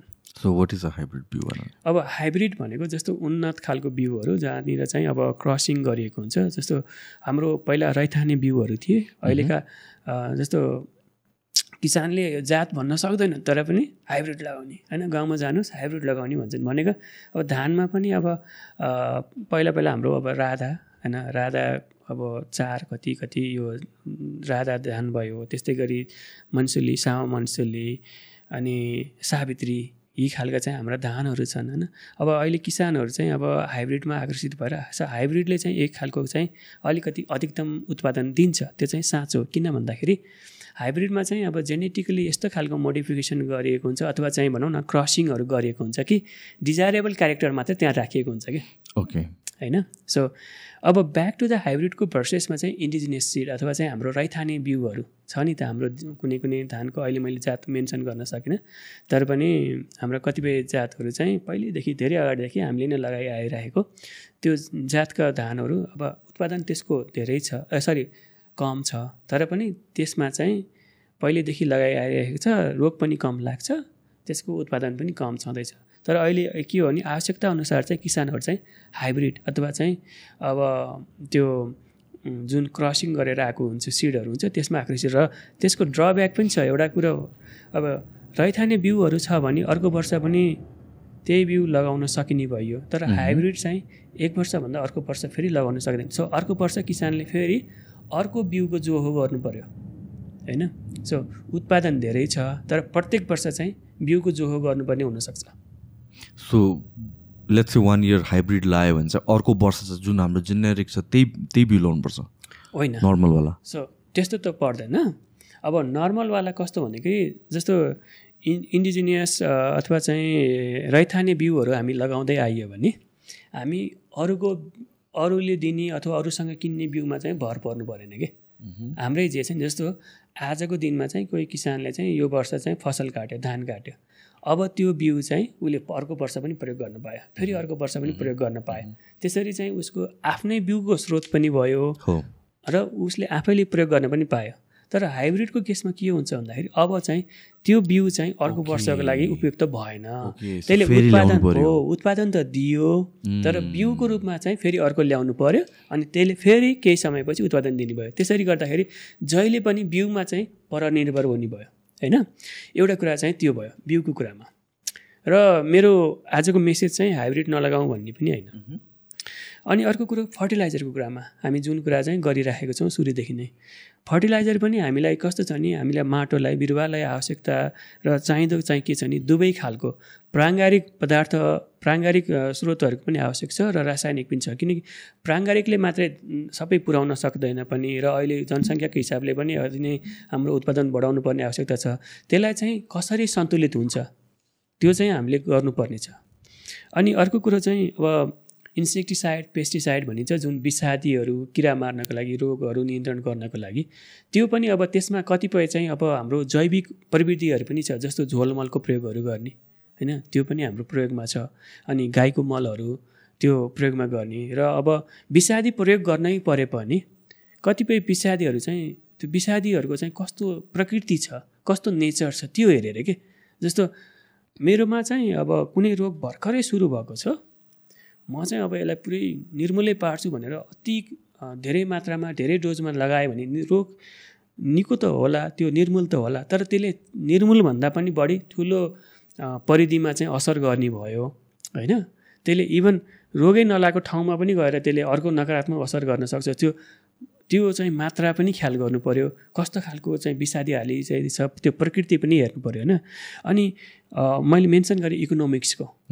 इकोनोमिक्स भनेको किसानले कम्तीमा आय व्ययको साधारण खालको म्याथ चाहिँ एउटा रेकर्डको रूपमा चाहिँ राखेको हुनुपर्छ कि। त्यो चाहिँ अति नै आवश्यक छ होइन?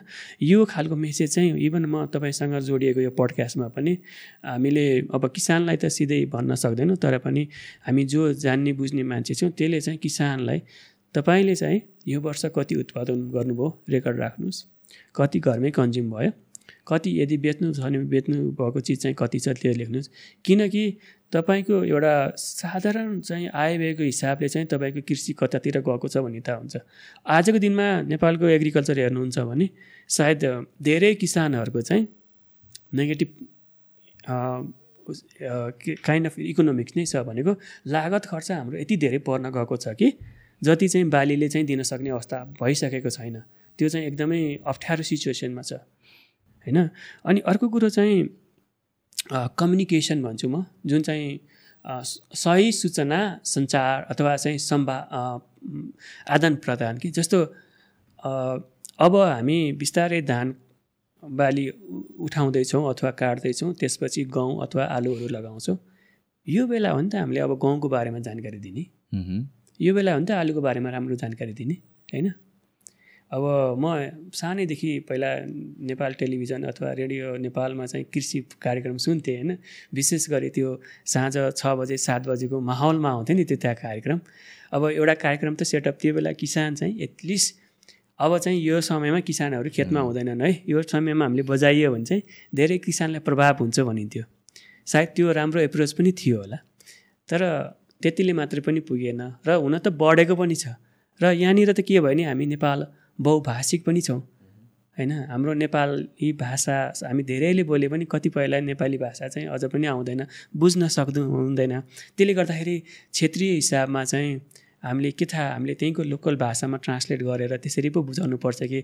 र अर्को यो साधारण का तरिकाको चाहिँ जुन बाली उत्पादन व्यवस्थापनको कुराहरू त हामीले राखेको छौँ। यस सँगसँगै आवश्यक चाहिँ हाम्रो अनुसन्धानहरूले हाम्रो वैज्ञानिकहरूले कृषि वैज्ञानिक विशेष गरी उहाँहरूले कस्तो खालको अनुसन्धान गर्नुभएको छ? त्यो नयाँ खालको अनुसन्धानले किसानको समस्या कुन खालको समस्यालाई समाधान गर्न अथवा चाहिँ त्यो खालको एजेन्डाहरू उठाएको छ उत्थान गरेको छ? अथवा वैज्ञानिकले के गर्दैछन् भन्ने कुराहरू किसानले कसरी बुझ्न सक्छन्? त्यो खालको सूचना पनि प्रवाह गर्नु आवश्यक छ।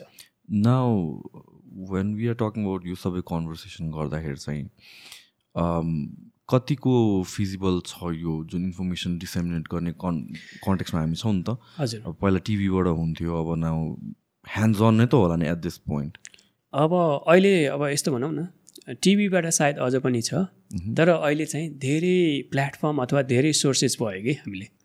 सो हामीले अहिले पुर्याउनु पर्ने भनेको सही सूचना सही समयमा होइन?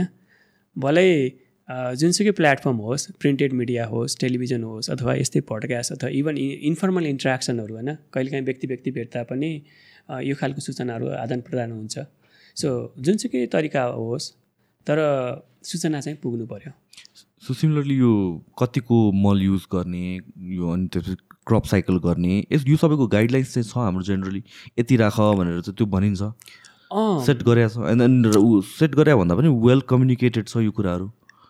गाइडलाइन्स चाहिँ बनेको छ र अघि कतिपय अब क्रपहरूमा त कतिपय बालीहरूमा अझ पनि बनेको जस्तो बा गाइडलाइन बनेको छ भन्दाखेरि धान गहुँ मकै जुन चाहिँ हाम्रो प्रमुख बाली हो नेपालको यसमा बनेको छ। तर धेरै कुराहरू आवधिक अथवा चाहिँ अपडेटेड भएको छैन। ओके। होइन? प्रब्लम कहाँ छ भन्दाखेरि त्यहाँनिर छ। जस्तो म तपाईँलाई एउटा इक्जाम्पलको रूपमा सायद नाइन्टिन सेभेन्टी सिक्समा त्यो बेला चाहिँ नेपालमा पोटासियमको मात्रा होइन? माटोमा पोटासियमको मात्रा जुन एउटा हेरियो अनुसन्धानबाट गरियो र बालीहरूमा विशेष गरी राइस स्विट भनेको धान गहुँ चक्रिय बालीमा पोटासियमको मात्रा चाहिँ थर्टी किलोग्राम अथवा तिस किलोग्राम प्रति हेक्टरको रूपमा राखौँ भनेर त्यो बेलादेखि गरियो होइन? त्यो बेला एउटा तपाईँले भने जस्तै एउटा गाइडलाइन सेटअप गरियो। त्यो करिब करिब चालिस वर्ष अगाडिको कुरा। आजसम्मको लागि पनि होइन? अहिले रिसेन्टली चाहिँ लास्ट फ्यु इयर्समा इभन लेस देन फाइभ इयर्समा रिभाइज भएको छ। तर पनि फाइभ इयर्सलाई हामीले छोडौँ। लास्ट थर्टी फाइभ इयर्समा चाहिँ त्यसैले काम गर्ने त पक्कै थिएन नि त। सो अपडेटेड थिएन होइन? अनि कतिपय माइनर क्रपहरूको त्यस्तो माइनर क्रपहरू जुन स्टिल न्युट्रिसन छन् तर माइनर क्रपहरूको बारेमा चाहिँ त्यसैलाई हुने सुइटेबल गाइडलाइन्सहरू बनिसकेका छैन। सो छैन भन्दिनँ म गाइडलाइन्सहरू गाइडलाइन्स छन् तर आध्यात्मिक अथवा चाहिँ त्यसलाई अपडेटेड गर्न अति आवश्यक छ त्यस भएको छैन जस्तो अहिले रिसेन्टली चाहिँ अब धानमा र गहुँमा चाहिँ त्यसको चाहिँ अपडेटेड भएको छ। कृषि नेपाल कृषि अनुसन्धान परिषदले त्यसको चाहिँ प्रमुख भनौँ न लिड लिएर त्यसलाई गरेको छ। र इभन हामीले पनि म आफू पनि सामेल भएर चाहिँ नेपाल कृषि अनुसन्धान परिषदको मेरो साथी रोशन बाबु ओझा हामीहरू मिलेर चाहिँ दुई वर्ष अगाडि चाहिँ हामीले यो नेपालको धान गहुँ चक्रिय प्रणालीमा रहेको विशेष गरी पोटासियमको मात्रा चाहिँ अब हामीले पुरानो पोटासियम मात्रा जुन थर्टी होइन यसलाई चाहिँ one point five to two point five भनेको डेढदेखि साढे दुई गुणा बढाउनु पर्ने आवश्यक छ र तराईमा र अनि त्यसपछि पहाडी क्षेत्रमा चाहिँ फरक फरक किन भन्दाखेरि हामी एउटा कुरा के गर्छौँ भने ब्ल्याङ्केट फर्टिलाइजर रिकमेन्डेसन रेट छ भनेको सबै ठाउँको लागि एउटै के? होइन? अब तराईमा पनि त्यही मात्रामा हालौँ पहाडमा पनि त्यही मात्रामा हालौँ भन्दा त त्यसले धेरै फरक पार्छ नि त। हामीले अहिले हामी गफ गरेकोमा पनि कुराहरू के छ नि? क्लाइमेट अथवा इकोलोजीले फरक पार्छ। सोइलको पनि आफ्नो पा पर्फर्मेन्स भनौँ न कतिसम्म दिन सक्छ भन्ने कुरा धेरै फरक हुन्छ। अनि हामीले कुन खालको व्यवस्थापन गरेको छौँ र त्यसले धेरै कुराहरू फरक गर्दाखेरि त सबैलाई एउटै डोज अथवा एउटै डालीमा राखेर हेर्न सकिँदैन। सो अहिले बिस्तारै गभर्मेन्ट अथवा चाहिँ यसमा जुन जुन सरकार निकायहरू सामेल हुनुपर्ने उहाँहरूले चाहिँ सोच्नु भएको छ र त्यसमा बिस्तारै आएको छ तर त्यो चाहिँ आवश्यक लेभलमा जहाँ हुनुपर्ने त्यो भइसकेको छैन। नाउ अघि तपाईँले भन्नुभयो मोस्ट फार्मर्सको लागि त फाइनेन्सियली अहिले पनि नेगेटिभ नै छ यो जुन इन्भेस्टमेन्ट टु भनौँ रिटर्न्सको रेसियो एउटा हिसाबले। छ। Why is that happening is it because of economy of स्केलको role आउँछ नि यहाँ हाम्रो कन्टेक्स्टमा कि इज इट बिकज यो लस भइरहेछ बिकज अफ इन्फर्मेसन राम्ररी ह्यान्डओभर नभएकोले? अब फेरि पनि म तपाईँलाई एउटा एकदम भिजुअलाइज गर्ने तरिका लेखिदिन्छु होइन। जस्तो म धान उत्पादन गर्ने किसान सम्झनुहोस्। सुरुमा त मैले जग्गा तयारी गर्नु पऱ्यो होइन. मसँग गाई गोरु अथवा ट्र्याक्टर छ भने म आफ्नै घरको प्रयोग गरेँ। छैन भने मैले भाडामा ल्याएँ अथवा लागत खर्च दिएँ। त्यहाँनिरको पहिलो खर्च बिउ किन्नु पऱ्यो बिउलाई तयारी नर्सरीमा अथवा चाहिँ ब्याडमा तयारी गर्नु पऱ्यो त्यहाँनिरको खर्च छ एउटा मुख्य। अब त्यो नर्सरीमा भएको बेर्नालाई अब मुख्य खेतमा ल्याउनु अगाडिको जमिन तयारी फेरि पनि गर्नु पऱ्यो अनि मलहरू किन्नु पऱ्यो मल फेरि नेपालको यस्तो क्यान्सर जस्तो समस्या छ कि हेर्नुहोस् समयमा मल पाइँदैन। अघि हामी सुरुदेखि भनेछौँ युरियामा फोर्टी सिक्स अथवा छ्यालिस प्रतिशत नाइट्रोजन हुन्छ भनेछौँ तर नेपालमा पाइने युरियाहरू त्यो छ्यालिस घटेर धेरै कम भइसकेको छ। त्यो यदि छ्यालिस छैन भने त किसानले प्रयोग नगरे पनि हुन्थ्यो नि त। होइन? छ्यालिसको सङ्ख्या मानौँ छब्बिस पो भएको छ कि बत्तिस पो भएको छ कि न त हामीले त्यो परीक्षण गरिन्छ न त यदि घटेको छ भने किसानलाई प्रयोग गर नगर है भनेर भनिन्छ। नपाएको अवस्थामा त सुरुमा त जे छ त्यही पनि हाल्नु आवश्यक भयो नि त। होइन? त्यहाँनिर एउटा समस्या भयो भनेको पहिला किन्नु पऱ्यो र बिउ बिउ र उन्नत बिउ अनि सन्तुलित मलहरू भनेको यस्तो आवश्यक चिज हो कि जतिखेर चाहिएको बेलामा भएन भने अघि पछि हुँदाखेरि यो प्रकृतिको नेचुरल साइकल के इकोलोजिकल यस्तो साइकल हुन्छ कि कहिलेकाहीँ अब लगातार पानी पऱ्यो भने अब हाम्रो धानको धान लगाउने समय नै पछाडि पर्छ। पानी नपरे पनि पछाडि पर्छ हेर्नुहोस् त्यस्तो अवस्था छ होइन। अब त्यसरी चाहिँ ल किसानले धान पनि लगायो अथवा मैले धान लगाएँ। अनि अब केही समयपछि गोडमेल गर्नु पऱ्यो अनि गोडमेल गरेपछि एकचोटि चाहिँ अब बाली काट्ने समय हुन्छ। त्यो सबै लागत जोडियो। अनि त्यसपछि चाहिँ अब बढी फलेछ भने त बेच्ने भयो छैन भने आफूलाई घर ल्याउने भयो। तर मुस्किलले हेर्नुहोस् यो धेरै कुराहरू चाहिँ सही समयमा नमिलेको कारणले गर्दाखेरि धेरै किसानहरूको चाहिँ यो आय व्ययको आर्थिक हिसाब चाहिँ नेगेटिभ नै छ भन्छु म। अब उहाँहरू छोड्न पनि सक्नुहुन्न किनकि त्योभन्दा अर्को विकल्प पनि छैन होइन? व्यापार बिजनेस गर्नु पैसा लगानी छैन उद्योगमा अथवा चाहिँ रोजगार भएको त्यो हालत पनि छैन। सो जे भए पनि ब्याक टु एग्रिकल्चरमै बस्नुपर्ने अवस्था छ। तर एग्रिकल्चर एग्रिकल्चर पनि kind of a competitive and commercial स्केलमा जान सकेको छैन। सो त्यही भएर नेपालको धेरै जस्तो कुराहरू चाहिँ अब ट्रेडिसनली सस्टेन वे अथवा सब्सिस्टेन्ट एग्रिकल्चर छ भने सो यहाँनिर कतिपय कमर्सियल किसानहरू नभएको फेरि होइन है। उहाँहरूले रा जसले बुझ्नुभएको छ उहाँहरूले राम्रो पनि गर्नुभएको छ। सो यसो हेर्दाखेरि त यो अरू प्रब्लम्सहरू त आई थिङ्क संसारको अरू ठाउँमा पनि हुन्छ होला। यो जुन प्रोसेस छ एग्रिकल्चर गर्ने जुन यो प्रिपेयर गर्नु पऱ्यो सिड्सहरूको कुराहरू मेन बोटल नेक भनेको फेरि आएर फर्टिलाइजरको टाइमिङमै हुन जान्छ। जस्तो भनौँ न एक हिसाबले हेर्दाखेरि उन्नत बिउ अथवा चाहिँ राम्रो शुद्ध बिउ होइन? जो बिउ बिउमा चाहिँ जर्मिनेसन क्यापेसिटी हाई भएको त्यो चाहिँ जर्मिनेट हुने क्यापेसिटी हाई भएको भयो। अनि मल पनि सही समयमा मै मल सही समयमा भयो भने फेरि मलको पनि कसरी प्रयोग गरेछ त्यसमा भर पर्छ। कति एजुकेसनको कुराहरू आएन अनि फेरि बढी प्रयोग गर्न पनि भएन। बढी प्रयोग गर्दाखेरि के हुन्छ भने हाम्रो इकोनोमिक्सलाई नेगेटिभ गराउने त छँदैछ। त्यसले प्रडक्सन हाई गरेको छैन। र अर्को कुरो चाहिँ इन्भाइरोमेन्टमा त्यसले नेगेटिभ असर गर्छ झन् गाह्रो। र अब हाम्रो यस्तो खालको छ कि टुक्रिए खण्डीकरण भएको जमिनहरू छ। मैले एकजनाले मैले मिस्टेक गरेँ भने मैले म मात्रै भागीदार हुँदैन। अर्को किसान पनि न नचाहिएको मोमेन्टमा ऊ पनि भागीदार हुनु परेको छ। भनेपछि त त्यहाँनिर डिफ्रेन्ट कन्सिक्वेन्सेसहरू छ। आई थिङ्क मलाई सोध्नुपर्ने क्वेसन त्यति हो. एनिथिङ एट लास्ट मैले के छुट्याएको छु anything you want to discuss discussion मैले चाहिँ अब बेसिकली सुरुमा त मलाई यो समय दिनुभयो त्यसको लागि धन्यवाद। अनि मेरो बुझाइ चाहिँ के हुन्छ भने कुनै पनि अनुसन्धानका कुराहरू अथवा चाहिँ हामीले जुन कृषिका सामग्रीहरू काइन्डली अब अल्टिमेटली लेभलमा पुऱ्याउनु पर्ने भनेको त किसानलाई हो नि त।